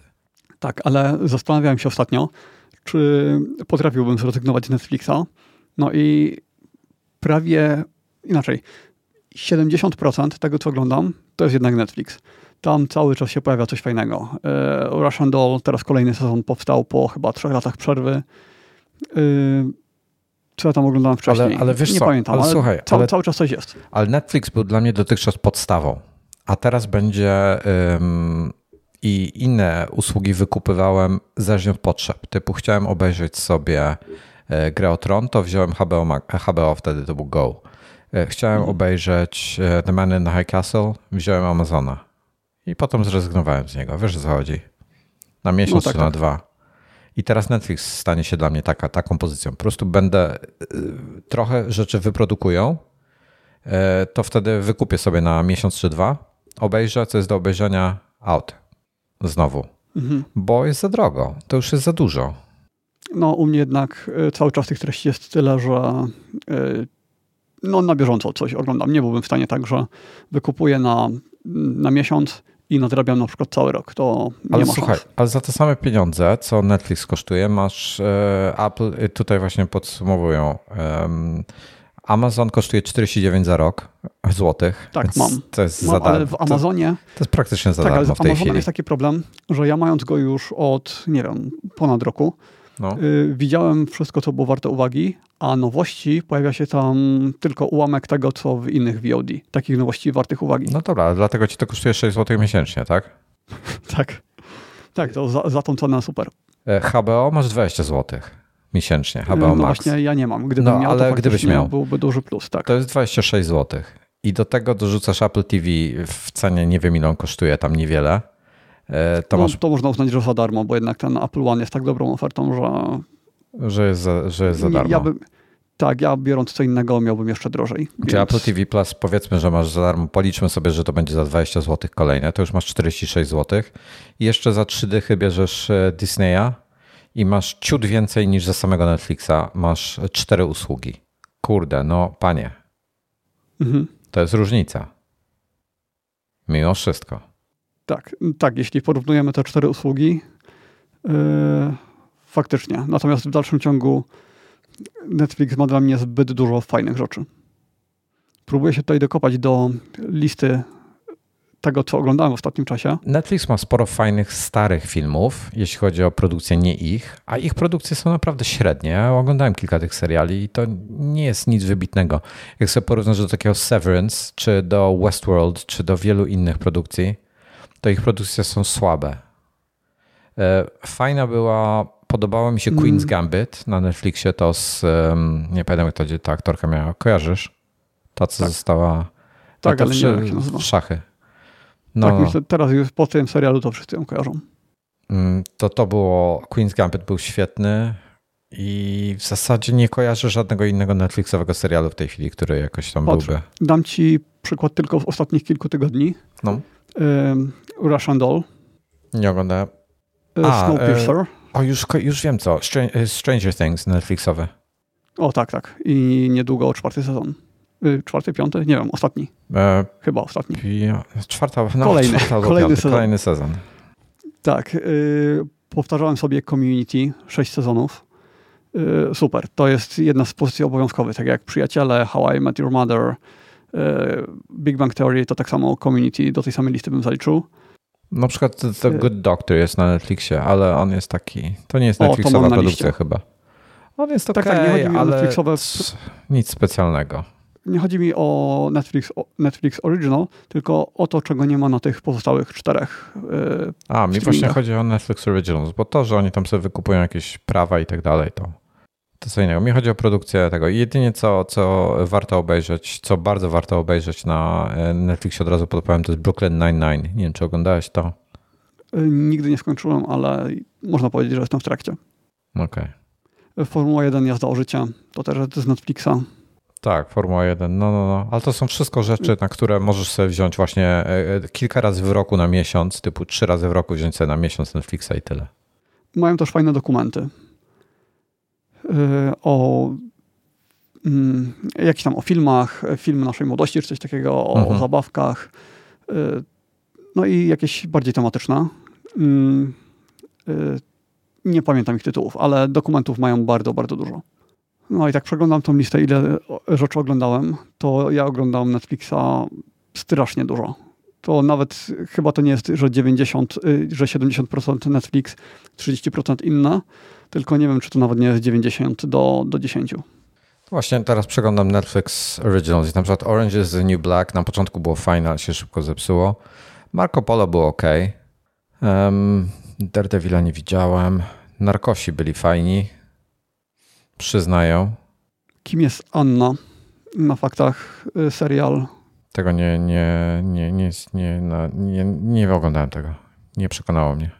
Tak właśnie lecę po, po tym, co tutaj jest i szczerze mówiąc, zdecydowana większość to, to nie jest kino dla mnie. I tak naprawdę to jedyne takie, jedyny ich serial, który u mnie powoduje taki wow, to jest e, Stranger Things. Nic innego. Dark już widziałeś, czy jeszcze nie?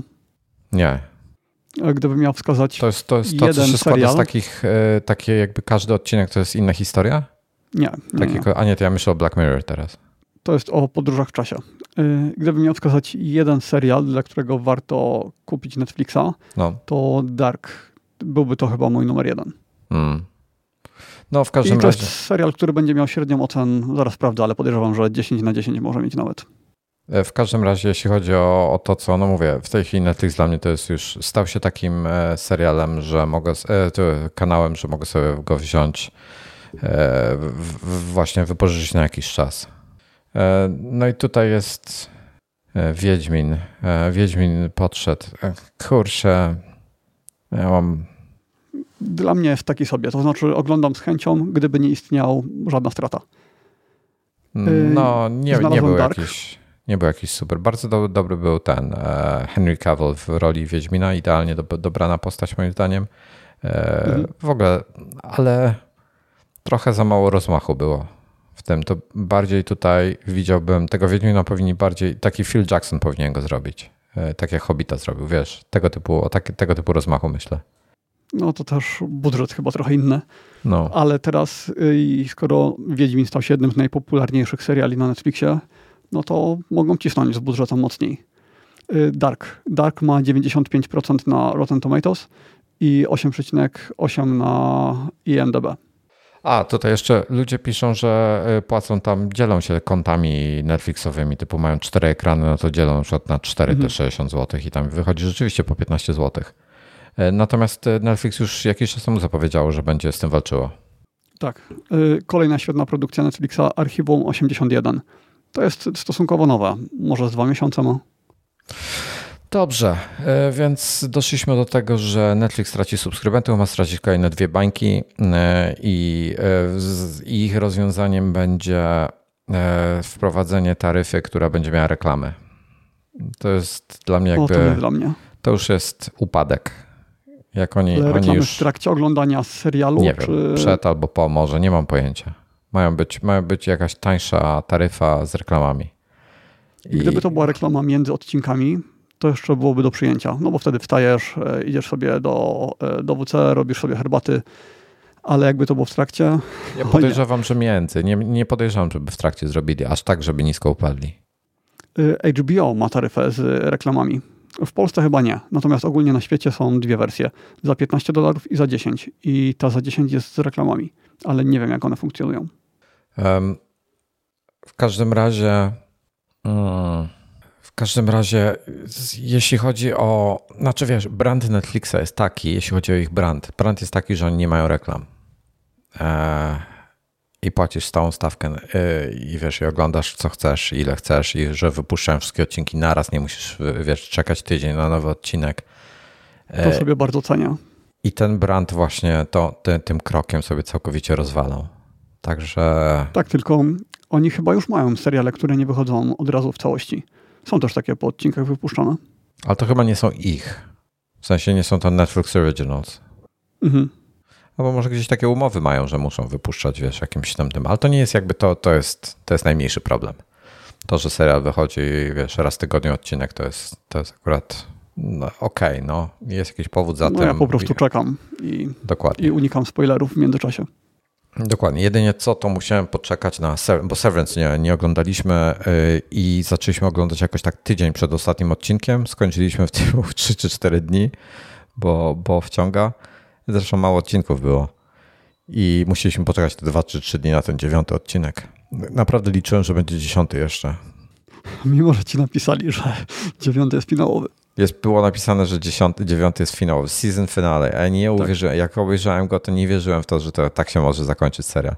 To się, oni, oni każdy odcinek kończyli na cliffhangerze, tak? Na zasadzie, że kurde, Wojtek, dobra, co ale- się stało? Muszę włączyć następny. Straszysz potencjalnych oglądaczy, a to nie, no jest... nie jest tak, że teraz trzeba czekać na drugi sezon i oglądać dopiero jak będzie drugi sezon, bo to zakończenie faktycznie ma sens i w tym... Dobra, dopełnili tej historię. tej akcji, która się tam działa, tak. to, to, ma, to jest perfekcyjne zakończenie. Dokładnie się zakończyło tak, jak powinno. Do, nie, Wiesz, no zakończyli bardzo dobrze. Bohaterowie. Jeżeli ja chcę więcej, to znaczy, hmm. że oni zakończyli bardzo dobrze. E, natomiast jakby wątki zostały wyjaśnione, i wszystko dużo wiemy. Zostało wyjaśnione. Tylko teraz, Bardzo co, dużo zostało. co się dzieje dalej? Ja jestem tego ciekawy. Co, ja chcę drugi sezon już dzisiaj, rozumiesz? Mm. E, przepraszam za karetkę. Znaczy, nie przepraszam, bo jedzie kogoś ratować, mam nadzieję, więc... Ale przepraszam za chaos. A, także nie wiem, no mam nadzieję, że drugi sezon będzie dobry, bo czasami się tak, tak, tak wiesz, dzieje, że kolejne sezony są dużo słabsze od pierwszego, jak pierwszy jest taki wyjątkowy, mhm. ale, ale ten, mam nadzieję, że, że tutaj będzie dobrze. No trochę tak z Morning Show na przykład jest, że ten pierwszy sezon był dużo lepszy od drugiego. Y, nie wiem, bo widziałem tylko kilka odcinków drugiego sezonu i porzuciłem. Ale nie wiem, czy wrócę. Big Little Lies na HBO jest świetne, powiem ci. To skończyliśmy drugi sezon jakiś czas no. temu już fajnie, że macie HBO. Ja no. niestety nie mam. Mnie się... Ale co ciekawe, wyświetla mi się w Apple TV i dopiero po wejściu na kanał HBO jest komunikat, że niedostępna w Twoim kraju. O, proszę. E, Adam się pyta, w jakich serialach mówimy, o jakim serialu mówimy. Teraz o Severance rozmawialiśmy. To jest ten serial nowy na Apple TV+. Plus. Rewelacja. Rozdzielenie.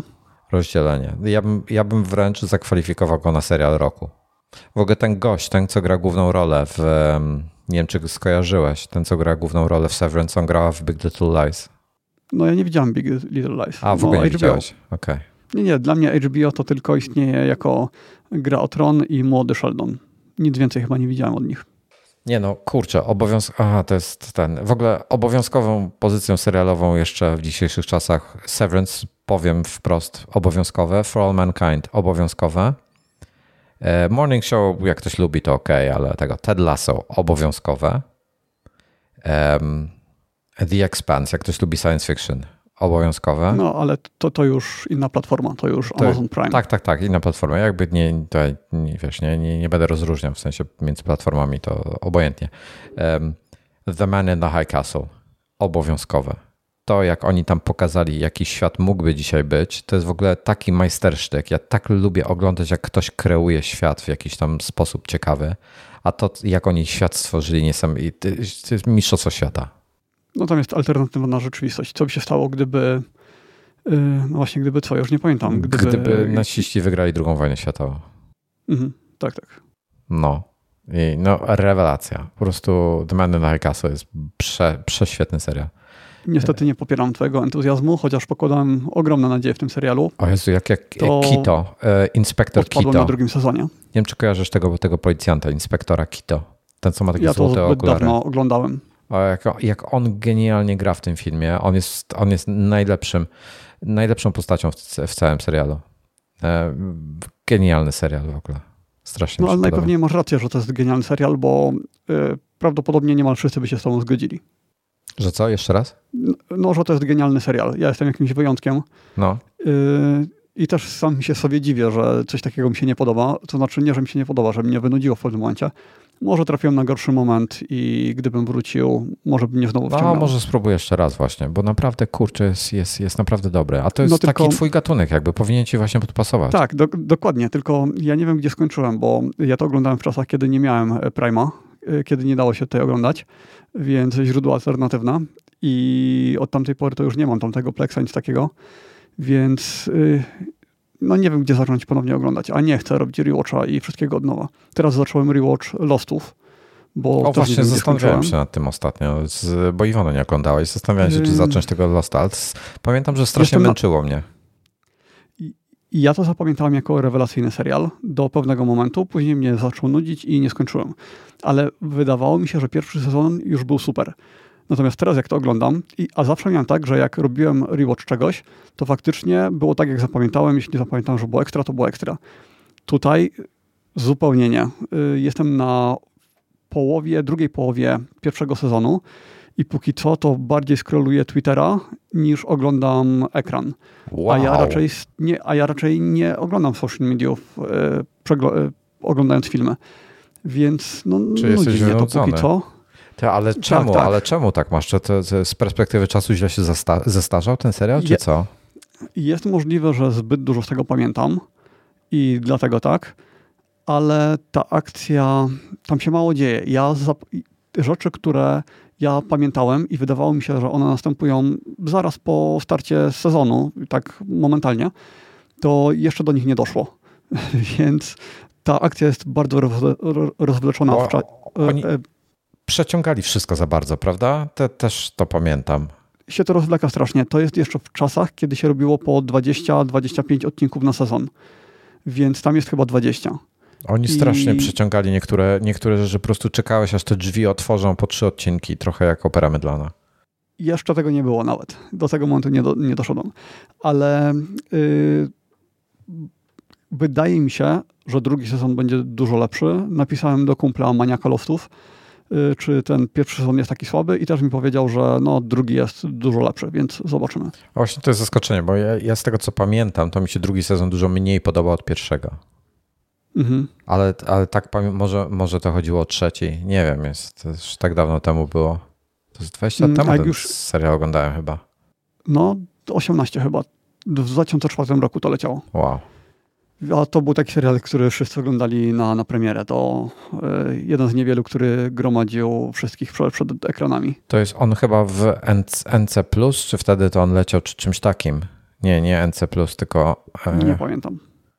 W każdym razie, no NC, to nie pamiętam jak to się nazywało. To ludzie wykupywali Ale... to, to, tą telewizję satelitarną w Polsce tylko po to, żeby mieć ten serial. No i jeszcze z Prison Breakiem później tak było. Tak? Skazany na śmierć. A to nie wiedziałem, że taki szał był wokół tego to serialu. Był, to był gigantyczny, chyba że ja to źle pamiętam, ale z tego co pamiętam, to był przeogromny, gigantyczny sukces. No on był fajny.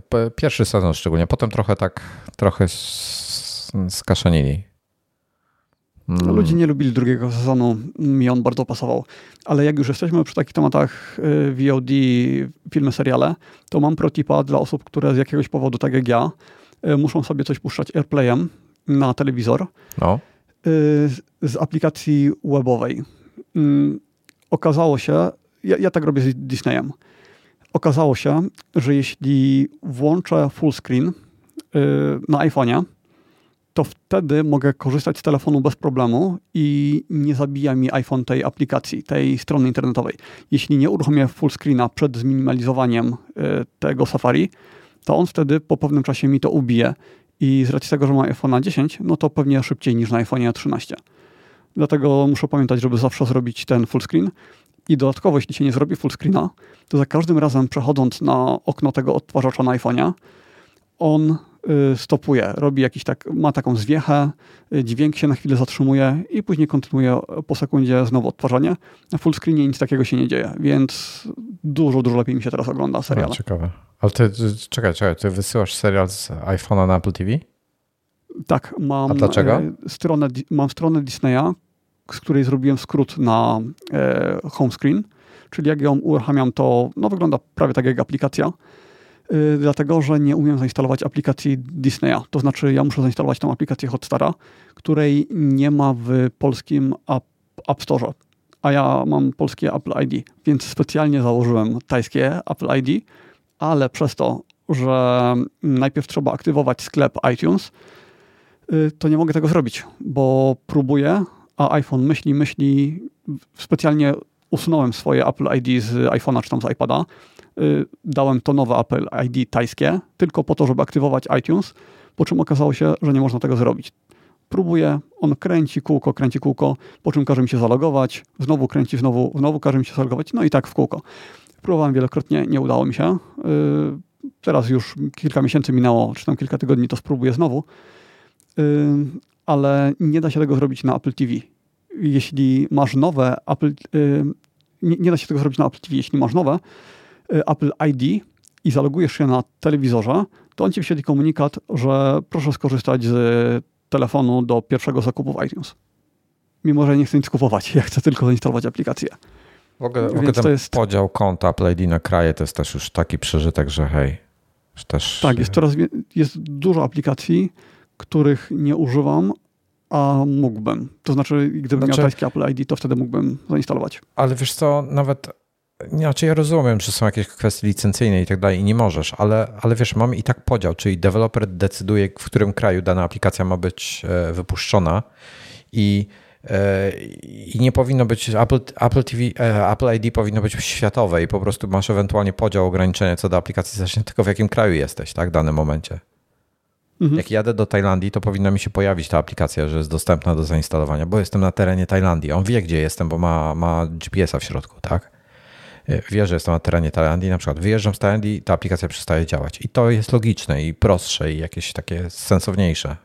Um, Maciek się pyta, czego oglądaliśmy Koda na Apple TV. To jest ten, co, te, ten film, co Oscary zdobył. Trzy chyba? Ja jeszcze nie widziałem. Ja też nie. Ja w ogóle z Oscarowymi filmami mam jakoś nie po drodze. Y, zawsze mało z nich oglądam. Zawsze mi się tak kojarzy, że to są filmy jakieś takie ambitne, wyciskacze łez, chociaż prawdopodobnie tak nie jest, y, ale pewnie gdybym włączył, to by się okazało, że super kino. To ale... właśnie Koda jest ponoć taka nie do końca, że, y, bo ona jest remake'iem ja z tego, co czytałem. Ona jest ponoć remake'iem i e, oryginał był ponoć lepszy, a ta Koda jest trochę gorsza, ale zdobyła Oscary, nie wiem jak to działa. Może, może ktoś za to zapłacił. Nie mam pojęcia. Z Oscara nie da się zapłacić. Myślisz? To jest głosowanie członków Akademii mnóstwa, mnóstwa osób. No dobra. Nie, czy wiesz, no, to kwestia tylko, moim zdaniem jest nadal kwestia tego, ile chcesz zapłacić. Mm, był jakiś reżyser, który y, mm, wiedział, jak robić filmy pod Oscary, że z góry mówił, że ten film dostanie Oscara. No. Nie, nie pamiętam o co chodziło. W napisach końcowych kiedyś opisywali, jak, jak ten e, reżyser działał, jak on to wszystko robił, ale nie, nie pamiętam tego niestety. Napisy końcowe to taki podcast. Tak właśnie mi się przypomniało, że, że ten, że jak on się nazywa? Tom Cruise e, kiedyś tego samuraja właśnie nakręcił pod Oscar, żeby Oscara zdobyć. Nie wiem, czy oglądałeś Samuraj z Tomem Cruise'em. Nie. A to obejrzyj sobie, całkiem fajny film. Taki trochę w stylu klimat jakby Bravehearta trochę. No na razie to ten paycheck polecony przez ciebie ostatnio chciałem zobaczyć i nie ma go w Apple TV. Kurczę, ja go mam gdzieś, albo w HBO jest, albo w Amazonie siedzi, bo znalazłem go. Gdzieś mi no w, w, w ogóle ostatnio po tym, po, po tamtym w poleconych u mnie się pojawił, więc nie wiem, kto mnie podsłuchuje, ale, ale mm. pojawił mi się w poleconych. Gdzieś go pewnie wyszukiwałem czy coś. O, ostatni samuraj, Last Samurai. E, podpowiada Maciek. Dziękuję.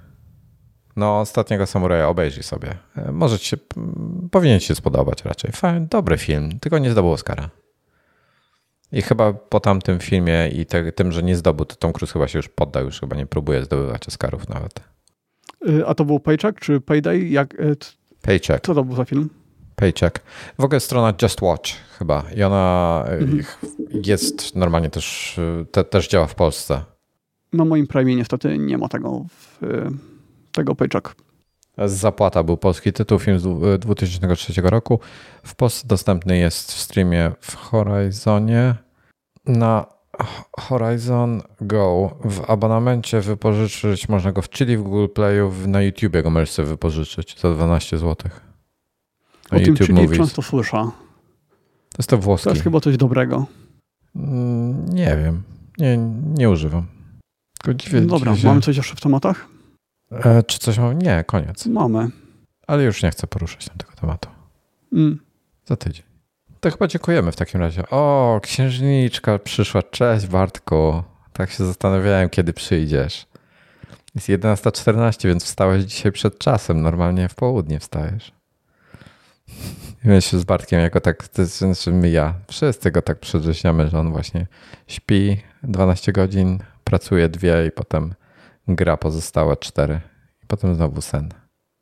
Zazdrościmy mu takiego stylu życia. Żartujemy oczywiście. Na pewno pracuje więcej niż dwie godziny, pewnie ze trzy.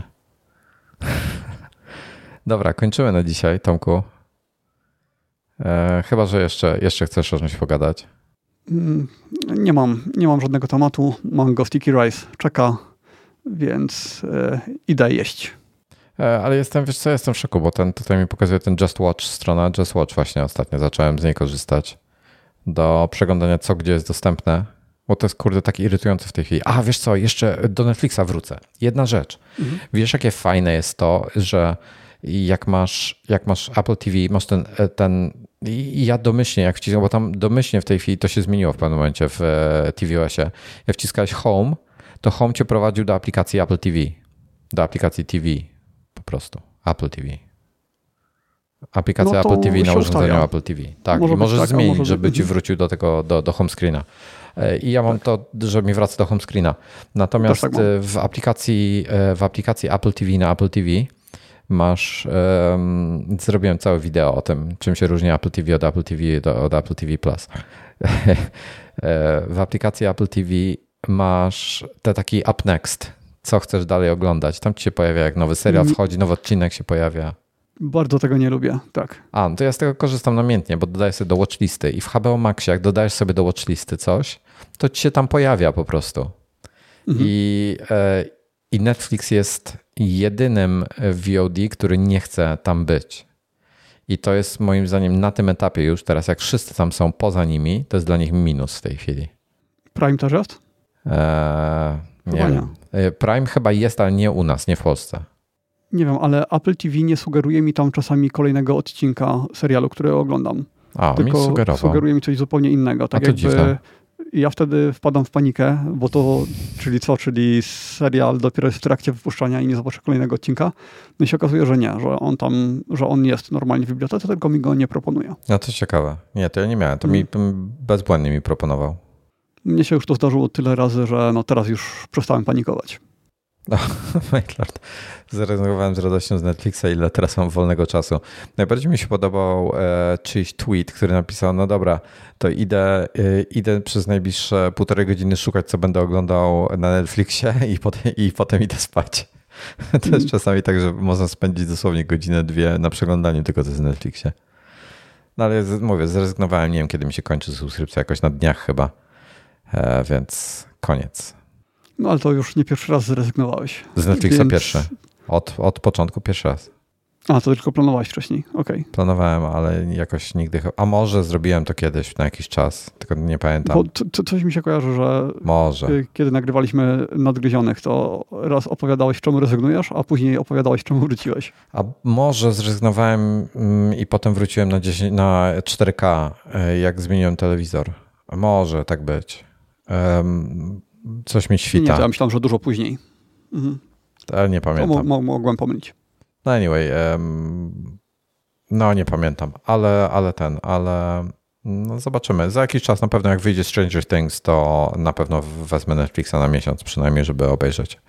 I pewnie jak formuła wyjdzie w przyszłym roku, to też. W tym musisz tylko... mi obiecać, że Dark zobaczysz. To jest niemiecki serial, niestety. No, no. Znaczy niestety dużo jest... znajomych przez to miałem problem przekonać, bo y, nie są w stanie słuchać, jeśli nie jest po angielsku.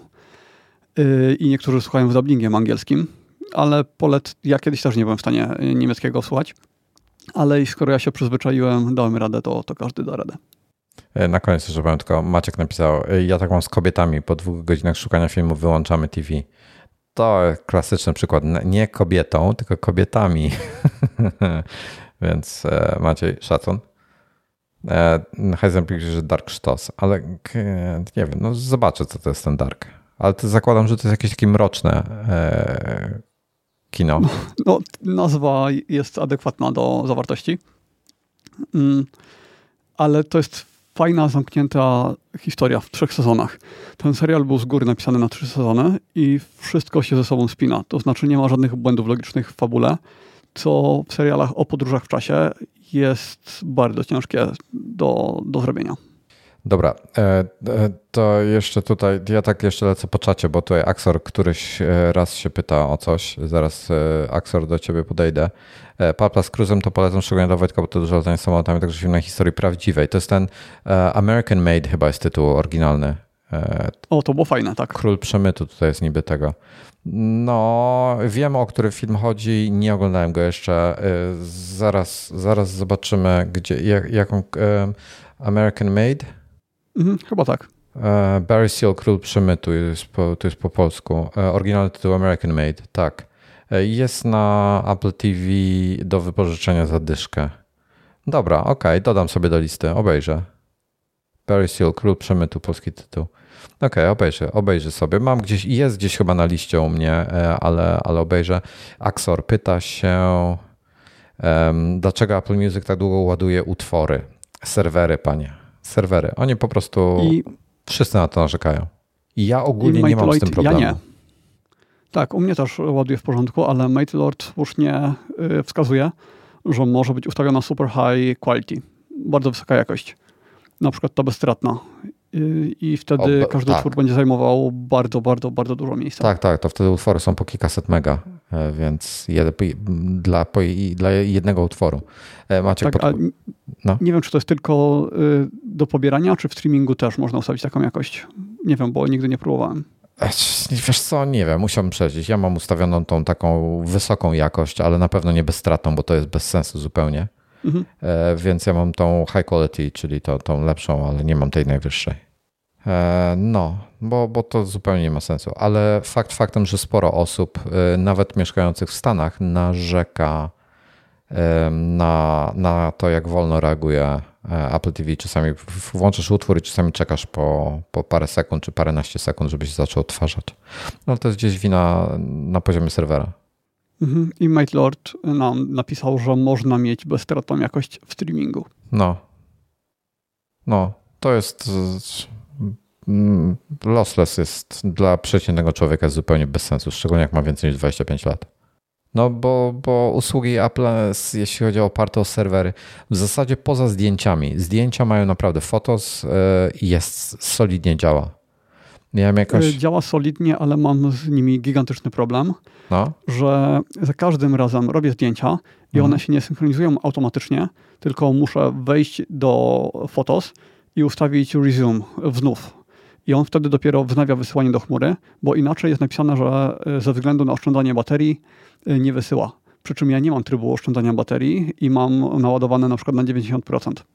Jesteś w domu? I zawsze tak jest. Pod Wi-Fi? Tak. tak, tak. To mi się to pojawia, ale jak jestem na przykład poza domem, albo jak bateria mi spadnie poniżej 70%, ale to nie, on, to on chodzi, to nie chodzi o to, że, że jest tryb oszczędzania energii włączony, tylko żeby oszczędzić baterię.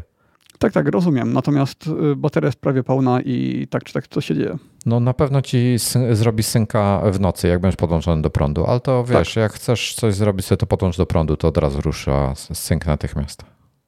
Nawet, mhm. nawet indukcyjnie połóż na, na... A ty nie masz? Mam, mam. Używam y, cały czas za dnia. Ty masz indukcję? Tak. W iPhone 10? No tak, no tutaj po prawej stronie mam podstawkę i odkładam dzień w dzień. Gwarantuję, Serio? że działa. On już miał indukcję wtedy? Tak, tak miał. Kurde. Prze, przez te kilka lat, te, przez te pięć lat zorientowałbym się, że odkładam, że, nie działa. odkładam i nie ładuję, tak. O, e, ja tego nie mam. To na 100%. Jak codziennie korzystam z Apple Music. E, Paweł pisze, że jakiś taki klik przed początkiem każdego utworu, to ja tego nie mam. To raczej bym szukał tutaj problemów z głośnikiem albo coś. Też tego nie mam. No, ósemka, faktycznie ósemka już miała indukcję. Miała szklane plecki z tego e, tytułu e, zrobione, no. E, Papla już taki ledwo słyszalny, jakby ktoś ja tego nie mam na 100% papla. To bym zauważył. Jestem na takie rzeczy to jestem wyczulony. Gdzieś, ma, mam gdzieś a, dobra, nie będę już na ten temat mówił. Mam gdzieś problem. Mam taki do, do jednego samolotu mam kupiony audiopack, który poprawia dźwięk samolotu dzięki wiesz, poszczególnych przełączników, silników i tak dalej.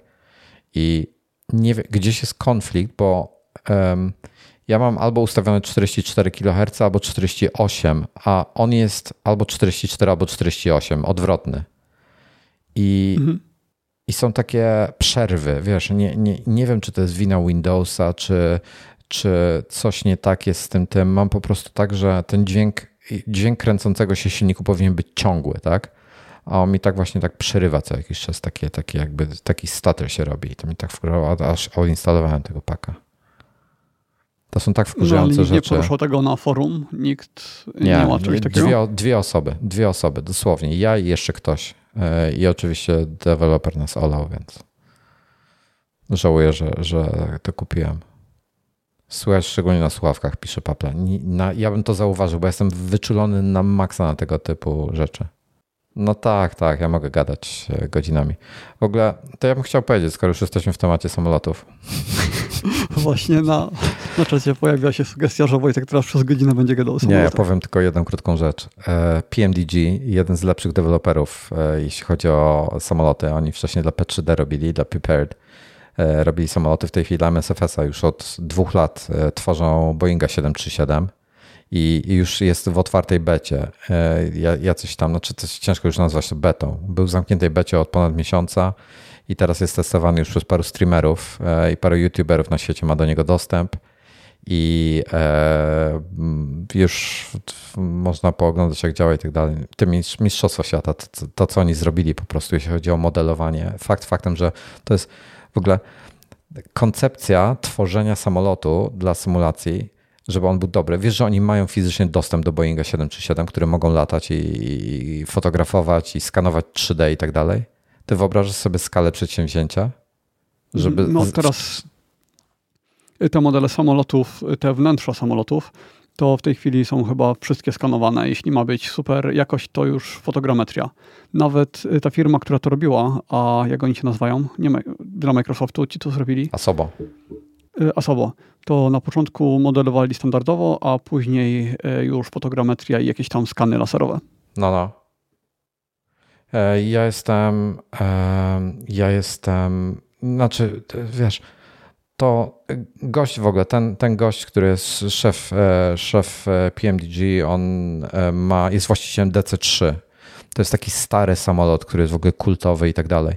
Oni nie, nie zrobili nigdy DC-3 do, dla symulatora, ale zrobili DC6, zrobili właśnie się, i mają w ofercie z, ze starego, ze starych tych będą na MSFS-a będzie 737, którego teraz wykończają. Następny będzie 777, czyli 777, e, który jest używany szeroko na świecie w tej chwili i jako, jako na, na długich dystansach i 747 będą robili, a potem nie do końca wiemy w jakiej kolejności co, ale wiemy, że będzie 757, parę innych jeszcze Boeingów tam będą wypuszczali, może DC3 właśnie będzie. E, I powiem Ci, że to, to co ci deweloperzy robią, a wiesz, taki Asobo to ma wsparcie finansowe Microsoftu. Więc to jest zupełnie mhm. inna para kaloszy, a to jest deweloper jednak, jakby nie patrzeć. Ale jakie trzeba mieć, no wiesz, gość lata, on ma w ogóle, ten e, Rob, ten właściciel, on ma e, type rating, czyli, czyli może latać na 737. E, nie wiem na którym modelu był type ratowany, pewnie na którymś ze starszych. Spodziewam się jakieś 300, 400 czy coś takiego. Ale mimo wszystko, więc wiesz, on w ogóle tym, tą DC-3 swoją, to jest, to jest samolot sprzed 100 lat, on, przesadzam, no może mieć gdzieś około 100 lat, on poleciał tym samolotem do Europy. W ogóle, wiesz, kosmos totalny jakiś, opowiadał tam mm, na ten temat, w jakim szoku była obsługa jakaś lotniska, jak poprosił o lądowanie, oni nie wiedzieli, jak prawidłowo kierować, bo to, wiesz, jest specyficznie lata, zupełnie inaczej niż dzisiejsze samoloty, więc on tam prosił, tłumaczył im, jak, jak mają go pokierować, żeby wylądował. Czy w samolotach jest tak jak w samochodach, że możesz zarejestrować jako e, model retro? Tak, jako zabytek? I dostajesz pojęcia, tak. Nie jako, sądzę. Dostajesz inną tablicę. Hmm. E, w końcu przysiądą do egzaminu na ATC i będziemy się spotykać w Eterze. Maciek, a ty, ty, ty jesteś tym? Ty w sensie w, w, na Watsimie? Czy mówisz? Serio? Ja nie wiem, czy Maciek lata, czy nie, nie mam pojęcia, ale pochwal się, jak coś tam latasz. Czy kontrolujesz gdzieś przestrzeń? To byłoby fajnie. Trochę nad Polską czasami latam, tam jest paru takich zawadiaków na Watsimie polskim. Bardzo fajni kontrolerzy są. Jedni z lepszych, myślę, w ogóle pola polscy. E, nie wiem, czy Tomku, czy słyszałeś, jest w ogóle zadyma straszna, jeśli chodzi o kontrolerów lotu w Polsce, bo tam no, od, tak, wiele e, od wielu miesięcy jest, jest zadyma chyba o czas pracy, o jakieś przerwy, jakieś inne tam rzeczy i o kasę oczywiście. Tak, to, to że muszą obsługiwać wiele stanowisk. Tak, tak, tak. Mhm. E, a, czyli jeszcze nie zacząłeś, ale mówisz o Watsimie, Maciej. Potwierdź, że chodzi o Watsim, a nie IWAO albo coś innego. To... A, no kurde, trzymam kciuki. No super by było, jakbyś kontrolował, to, to daj mi cynka, to od razu tam ustawimy się. E, to pokontrolujesz mnie. Zadyma jest z tymi, tego, bo ponoć teraz od 1 e, maja mają się wszyscy zwolnić. Wszyscy. E, gdzie no, a tam... później Wojskowi zostają jeszcze, tak? W razie czego, czy nie? Nie wiem. Nie wiem jak to jest z wojskowymi. Wiem, że tam gdzieś kumpel mi wspominał, że PAPS chce zmienić prawo, żeby... Bo u nas jest tak, że kontroler musi mówić płynnie w języku polskim, poza angielskim, bo angielski jest konieczny E, ale polski u nas też, a ponoć chcą zmienić prawo, żeby nie musiał to być Polak, żeby mogli zatrudnić obcokrajowców po prostu. E, mhm. Ale... No, wiesz, ma, ma, to sens, no bo yy, na, wśród pilotów i tak po angielsku każdy płynnie gada. No właśnie, ale myślę, że na tych, na małych lotniskach głównie się komunikują w Polsce po polsku i nie wiem jak ci piloci, mhm. wiesz, tacy, tacy co, co GA latają tymi małymi samolotami. No może być kiepsko, nie wiem. Ja nie, nie, nie, ogarniam tego, jak oni mogli do tego doprowadzić, tak, że, że my zostaniemy bez kontroli lotów nad Polską. Jeszcze w, przy takiej politycznej zadymie, jaka jest w tej chwili, się też politycznie, już ciężko nazwać polityczną, wiesz, wojskowe, tak, a w sensie wojna jest. A, a ci jeszcze mają takie, tak, no to, jest, to jest w ogóle niewyobrażalne. O, Bartek pisze, że ostatnio leciał, była ponad godzina, e, ponad godzina opóźnienia. Wow. No to Paweł Orzech u siebie tam w podcaście opowiadał, jak y, cały dzień prawie spędził na lotnisku i później w samolocie. A co, nie słuchałem, coś konkretnego się wydarzyło w sensie? Y, tak, to był lot tak bardzo przedłużony, że y, najpierw Paweł sobie poleciał, pojechał na lotnisko z wielogodzinnym wyprzedzeniem, więc już 5 godzin sobie tam siedział, a później chyba 6 godzin czy ileś w samolocie, bo wtedy ten strajk był i on też miał jakoś tak lot wycelowany, że po jakiejś godzinie, jeśli samolot by nie wyleciał, no to już przestają obsługiwać, bo po prostu no, do, do którejś godziny tylko tam pracują. Yy, więc chyba przez to też coś tam się yy, przedłużyło. Ale to zapraszam do z podcastu i tam sobie posłuchacie. Chyba w przedostatnim albo przed przedostatnim odcinku. No w każdym razie powiem ci, że nie, nie wiem jak to się skończy, ale to tak może być naprawdę słabo. Mm, no, zobaczymy. Mhm. Ale jestem, jestem cały czas pod wrażeniem właśnie, że, że takie firmy, tacy deweloperzy, w ogóle Asobo jest szefowane przez Polaka z tego co kojarzę. On chyba nie mieszka w Polsce od dawna, ale y, nazwisko ma polsko brzmiące i chyba on chyba jest Sławomir albo coś takiego. Nie pamiętam w tej chwili. Um, i wiesz, że oni, że, że, już weszliśmy tutaj na poziom, bo kiedyś to było tak, że po prostu paru deweloperów się skrzyknęło i sobie coś tam, wiesz, wymodelowali w e, tym, w jakimś CADzie czy jakimś 3D i, i, i e, tekstury na to nałożyli, jakieś tam trochę oprogramowanie zrobili, wiesz, wypuścili ten samolot, tak? A w tej chwili to jest po prostu, to jest, wiesz, to jest porównywane, porównywalne z projektowaniem samolotu prawdziwego, tylko że nie ma tego elementu produkcji. No pewnie można by na tym szkolić pilotów do normalnego latania.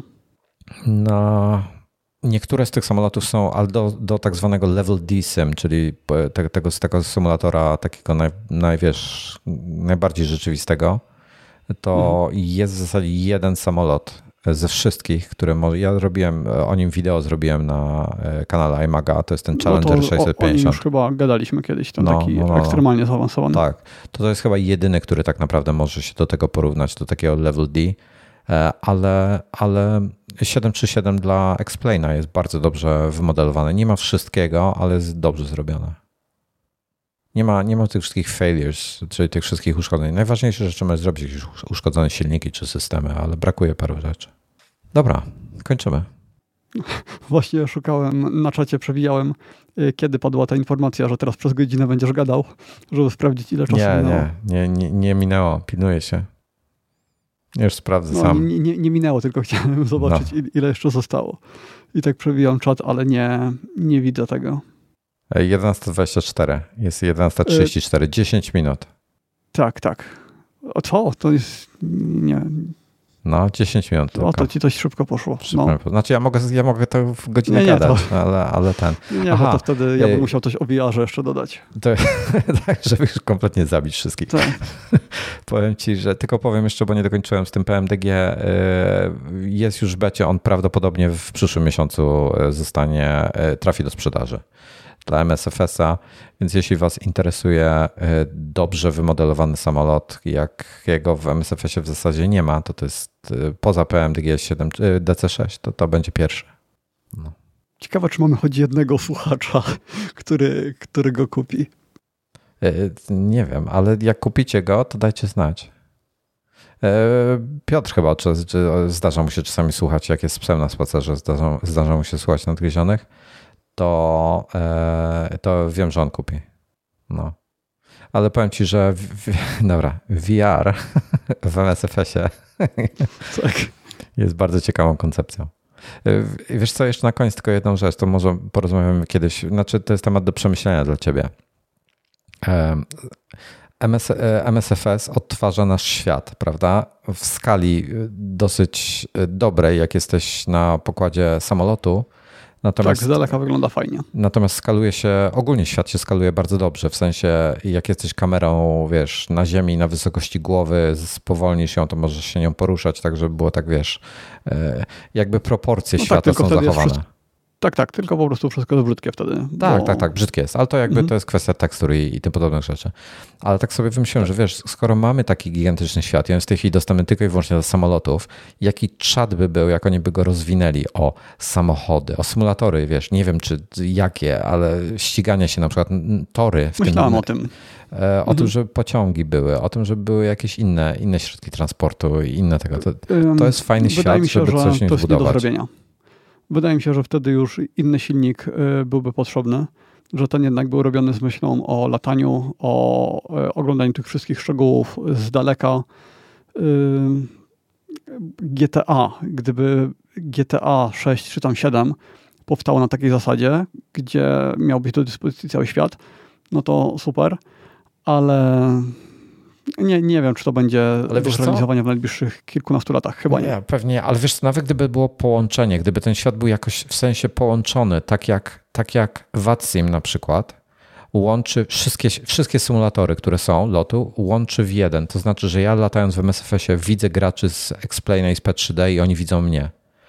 E, o, czyli metaverse oczekujesz. Chciałby, czyli Wojtkowi się marzy metaverse. Możemy e, to tak podsumować? No nie do końca, ale tak. Ale w sensie, żeby, żeby wiesz, jaki byłby problem, żeby, żeby, to jest teoretycznie do zrobienia, żeby wszystkich graczy, którzy tam grają w jakiegoś Gran Turismo albo e, w jakąś Forzę albo coś, żeby oni byli, jak przelatujesz na przykład nad jakimś torem, wyścigowym, mhm. to żebyś widział te jeżdżące samochody i to byłyby rzeczywiście. Znaczy, to jest ogólnie bez sensu, bo mógłbyś zasymulować tylko, ale taka ciekawa koncepcja. Metaverse w Metaverse będziemy do tego dążyć, tak.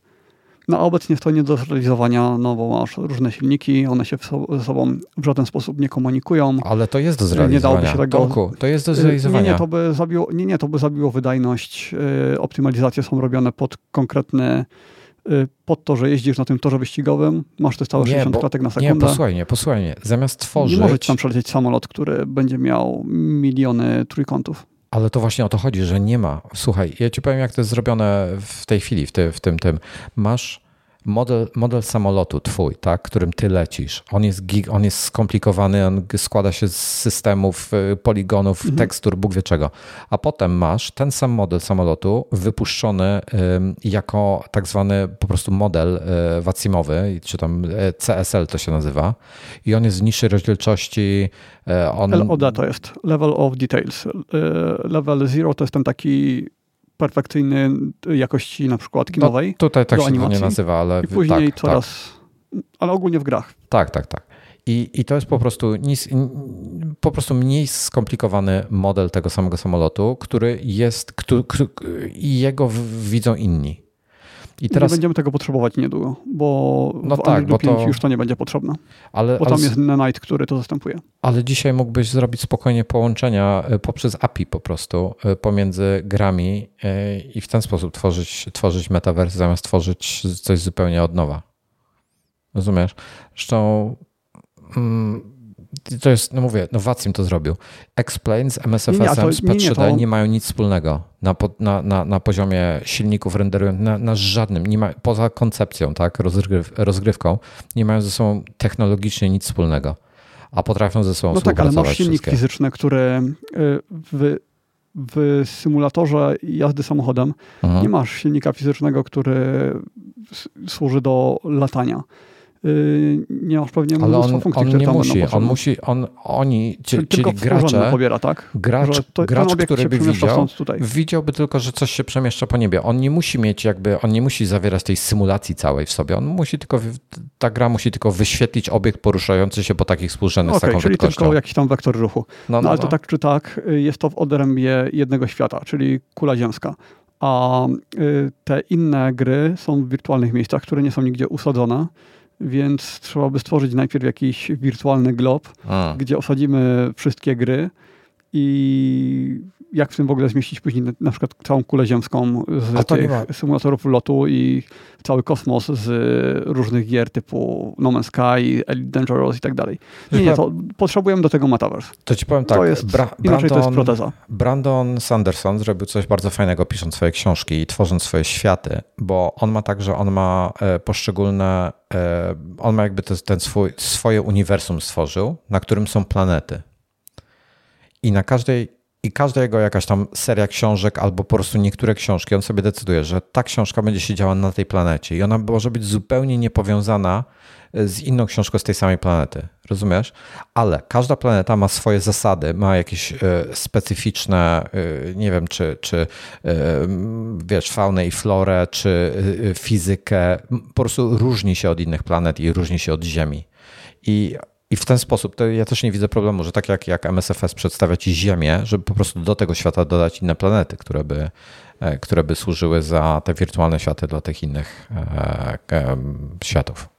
No tak, ale to wtedy się to wykrzaczy na symulatorach e, kosmosu. No właśnie Elite Dangerous, Star Citizen, y, które mają cały, albo No Man's Sky, które ma cały wszechświat, miliardy planet. Znaczy Mhm. nie miliardy, bo to jest tam e, miliardy miliardów, chyba tak by to trzeba ująć. Mhm. No nie, to no właśnie to o to chodzi w tym całym metaverse, żeby stworzyć takie zasady, żeby to wszystko wymyślić, jak to, jak to zrobić. Ja, to, Jeśli to wymyślimy, no to to nigdy będzie nie metaverse. Panie. iPhone. właśnie powiedziałeś, Unia- że to jest proste do zrobienia, Nie, a nie, teraz ale mówisz, to że jest, to jest po, nie, poszczególnych, ale nie, bo to jest proste do zrobienia, bo masz istniejące tytuły, masz World of Warcraft, e, który jest w ogóle sam w sobie dla mnie metaversem, E, masz świat Diablo, masz e, te firmy growe tworzą same w sobie najlepsze światy e, i nie sądzę, aby jakikolwiek jakiś Facebook czy coś był w stanie coś takiego stworzyć jak World of Warcraft, a co dopiero metaverse. Bo nie, po prostu oni nie chcą tego tworzyć. e, Oni chcą tylko umożliwić y, w jakiś sposób komunikację World of Warcraft z Diablo i z tymi innymi tytułami. Okej. E, To, ja, to- ja myślę, że żaden z tych deweloperów nie będzie zainteresowanych, e, zainteresowany współpracą z Facebookiem, powiem ci szczerze. No na razie mamy 10 lat, żeby, żeby to zrobić. I po 10 lat, 5 do 10 lat. y, Na pewno nie wcześniej niż 5. O, Klauda też się pyta, od czego za, za, e, polecasz zacząć czytanie Sandersona, skoro już o Sandersonie było. W ogóle to jest najlepsza postać w tej chwili, e, jeśli chodzi o najlepszy pisarz, taki fantasy, science fiction połączony. E, Zależy, Klaudancer, jakie klimaty lubisz. E, Śmiem twierdzić, że jego najlepszą książką to jest bardzo trudna. To, jest, to, jest, to była najdziwniejsze moje doświadczenie książkowe w życiu i to była ich ta seria. Um, Jezu, jak ona się po polsku nazywała? Kurczę, zaraz znajdę polskie tytuły jego książek. Em, Brandon Sanderson. Bo Kurde, no w ogóle jego książki są rewelacyjne, tylko już, już go szukam po polsku, Wikipedię, tutaj sobie otworzę, to będę miał po polsku, po polsku tytuły. To, to szukaj, a Papla niech No. doprecyzuje, o jakie okulary mu chodzi. Bo zadał pytanie, ale nie wiem, o który model chodzi. Dobra, e, w ogóle zacznę od tego. Sanderson ma dwie kategorie książek. On pisze książki dla dorosłych i dla młodszych, czyli nastolatków, e, po prostu dla młodych e, ludzi. E, I o, właśnie.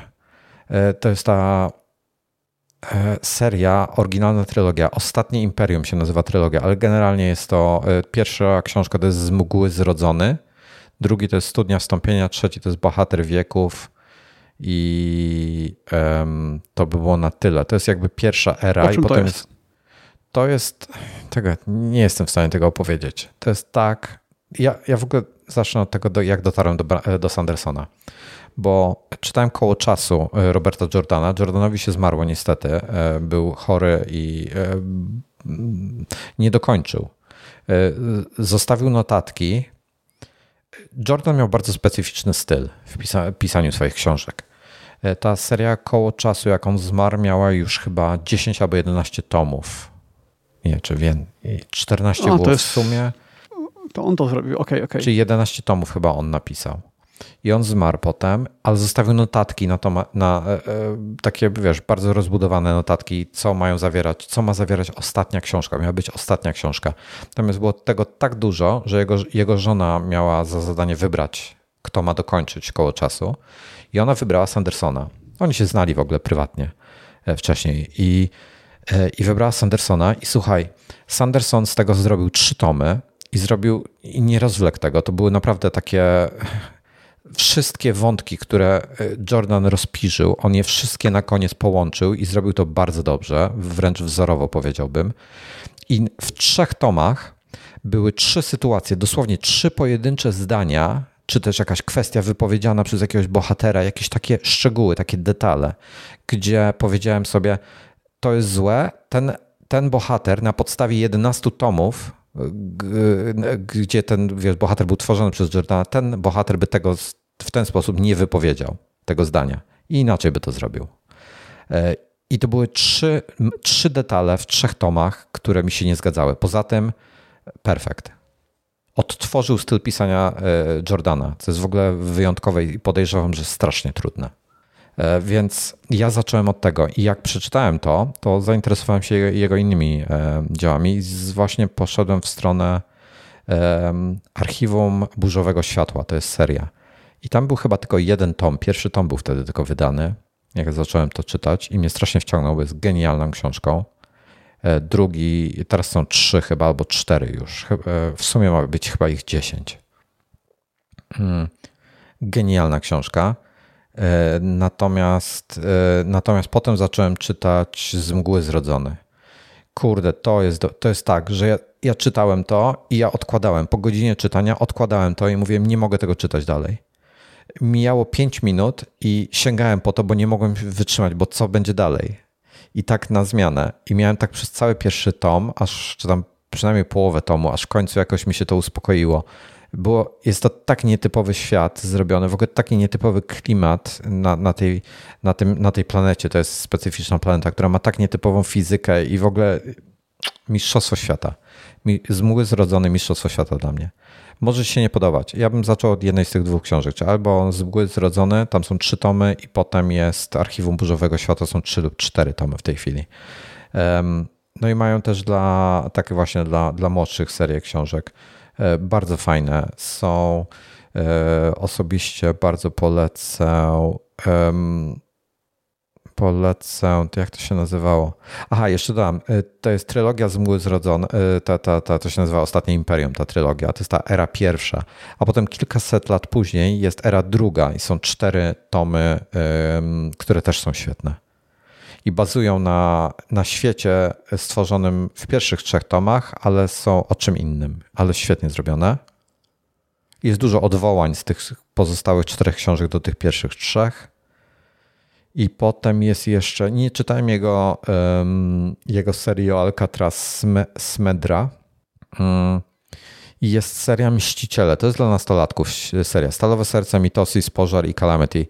Bardzo fajna seria, taka lekka, dosłownie do łyknięcia w kilka dni. Rewelacyjne, mi się strasznie podobało, ale, mi, ale absolutnym mistrzostwem świata to jest cykl do gwiazd. E, są w tej chwili trzy E, tomy i czwarty jest splanowany na przyszły rok. E, do gwiazd, wśród gwiazd i Cytonic. Nie wiem, jakie jest polskie tłumaczenie, być może jeszcze nie ma polskiego. Oryginalne tytuły to było Skyward, Starsight i Cytonic. Skyward jest, to jest, to jest historia o dziewczynce, która żyje na planecie takiej, są, która jest non-stop atakowana przez wroga i ona jest odrzucona przez społeczeństwo. Więcej już nie mogę powiedzieć, bo po prostu rozpiszę całkowicie historię. No to teraz ja odpowiem Papli na jego pytanie. No. Pytałem o ten headset VR-owy wysokiej jakości, który polecałem tydzień temu, gdzie go znaleźć. Y, na stronie producenta Vario przez V i J. Vario. I to jest model Aero. Kosztuje w Polsce, jeśli się zamawia, 2000 euro. Nie ma kontrolerów w zestawie. Kontrolery plus yy, yy, latarnie, te takie stacje, które służą, no, żeby wiedzieć, gdzie się ma kontrolery. Chyba to będzie kosztowało jeszcze z 1000 dolarów. Mm, więc Mówimy no, będzie to droga le, zabawa. Lekko ale... 15 tysięcy złotych. Najgorsze tak, jest... ale to i tak jest taniej niż ja powiedziałem, bo ja powiedziałem, że to może z 20 tysięcy y, kosztować, a to z 20 tysięcy to za ten wyższy model biznesowy, mhm. który jest niby lepszy, ale lepiej kupić jest ten tańszy, ten Aero, dlatego że nie mamy kart graficznych, które by napędziły ten lepszy. Nie ma nic, co w takiej rozdzielczości byłoby w stanie podawać obraz a aero jest lżejsze, więc przez to jest wygodniejsze i ogólnie bardziej polecane do takiego domowego użytku. Najgorsze jest to, że to jest z technologią w tej chwili mamy tak, że za 3 lata ten sprzęt będzie kosztował 5 tysięcy. Yy, tak, i dostawa za 4 miesiące, więc to też nie jest tak, że od razu to dostajesz. No i technologia się zmienia teraz niesamowicie. O technologii T-Rex to opowiem w następnym odcinku. Mm, bo tutaj do tego momentu mało słuchaczy pewnie dotrwało, więc za tydzień możemy od tego zacząć. T-Rex. Bardzo mm, technologia, która pozwala na y, średnim wyświetlaczu uzyskiwać dwa razy wyższą rozdzielczość i to może mocno zmienić y, VR. To znaczy już wiemy, że zmienia. Ja bym chciał, y, ja bym chciał w VR sobie polatać w MSFS-ie, ale no nie, nie przy tej obecnej jakości. Pimax 12K ma się pojawić, czyli tak realnie to jest 6K, bo to jest 12 na 6 plus 6. I to jest headset, który po pierwsze będzie samodzielnym headsetem, taki jak Quest. Nawet ten sam procesor ma, tylko że bez ograniczeń, bez throttlingu. Będzie działał na dużo wyższym taktowaniu, bo ma chłodzenie dużo lepsze. Y, I wtedy będzie działał chyba na 8 albo na 10K, a jak go podepniesz do PC, to będziesz mieć 12K. I to jest headset tak dobry, że kiedy go zapowiedziano, to nikt nie uwierzył, że w ogóle coś takiego może istnieć przy obecnej technologii. No ale teraz się okazuje, że jednak może i wygląda na to, że być może w tym roku się to pojawi. Y, tylko mam z tym problem taki, że Pimax jest gigantyczny. On jest na szerokość, to chyba z dwa questy można by postawić obok siebie. A ile waży? Bo tam rozmiar to jest mniejszy problem, waga jest ważniejsza. Na razie nie wiadomo.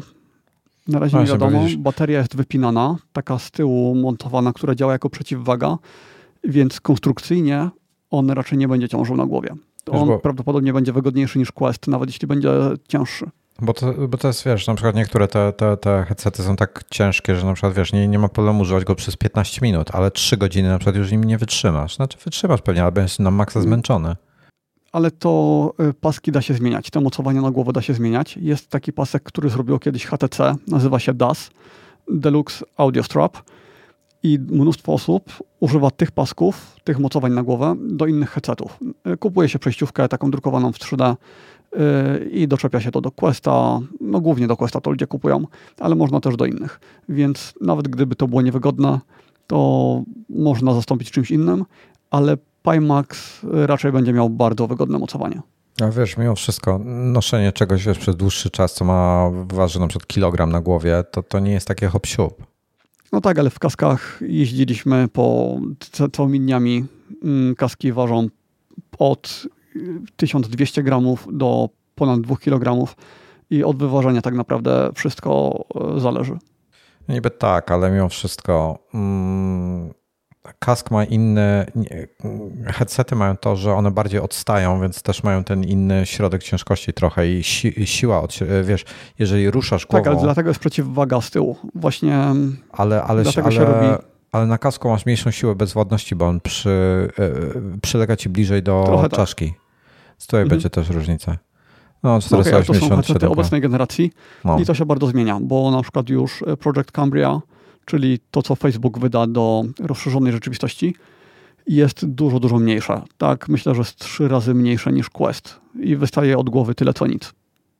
A, czyli znaczy, realnie, realnie dzisiaj to jest tyle, co nic. A... Dla mnie to jest mhm. 5-6 lat, zanim będzie jakiś taki headset, który będę chciał wydać tyle pieniędzy, żeby cena jego spadła i jakość była dobra. I GPU, bo żebym miał, żeby to napędzić jeszcze. Mhm. 120 Hz. No i ja myślę, Ja myślę, że w przyszłym roku nabędę coś PCVR. Jeśli się pojawi jakiś headset, który będzie bezprzewodowy, yy, samodzielny, tak jak ten Pimax 12K, tylko mniejszy, no to będę to bardzo, bardzo mocno rozważał. Nawet jeśli za 3-4 lata będę to musiał wymienić na coś innego. Z góry wszystkich przepraszamy za e, końcówkę i do usłyszenia. Za tego Flight Simulatora. I, tak. za, I za VR też.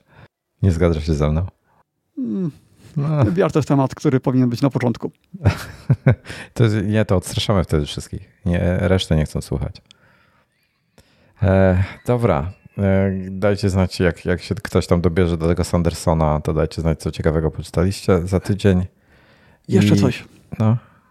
Pimax. Y, on, oni mają bardzo ciekawy program. Jeśli w tej chwili masz jakiegoś Pimaxa, kupiłeś go i chcesz go wymienić na tego Pimaxa 12K, to odsyłasz do nich to, co masz i oni ci refundują cały koszt.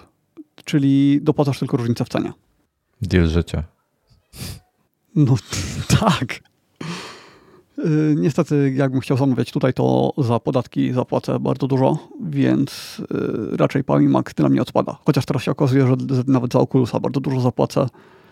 Yy, no, zobaczymy, jak to będzie. Na razie i tak nie mam na co wymienić.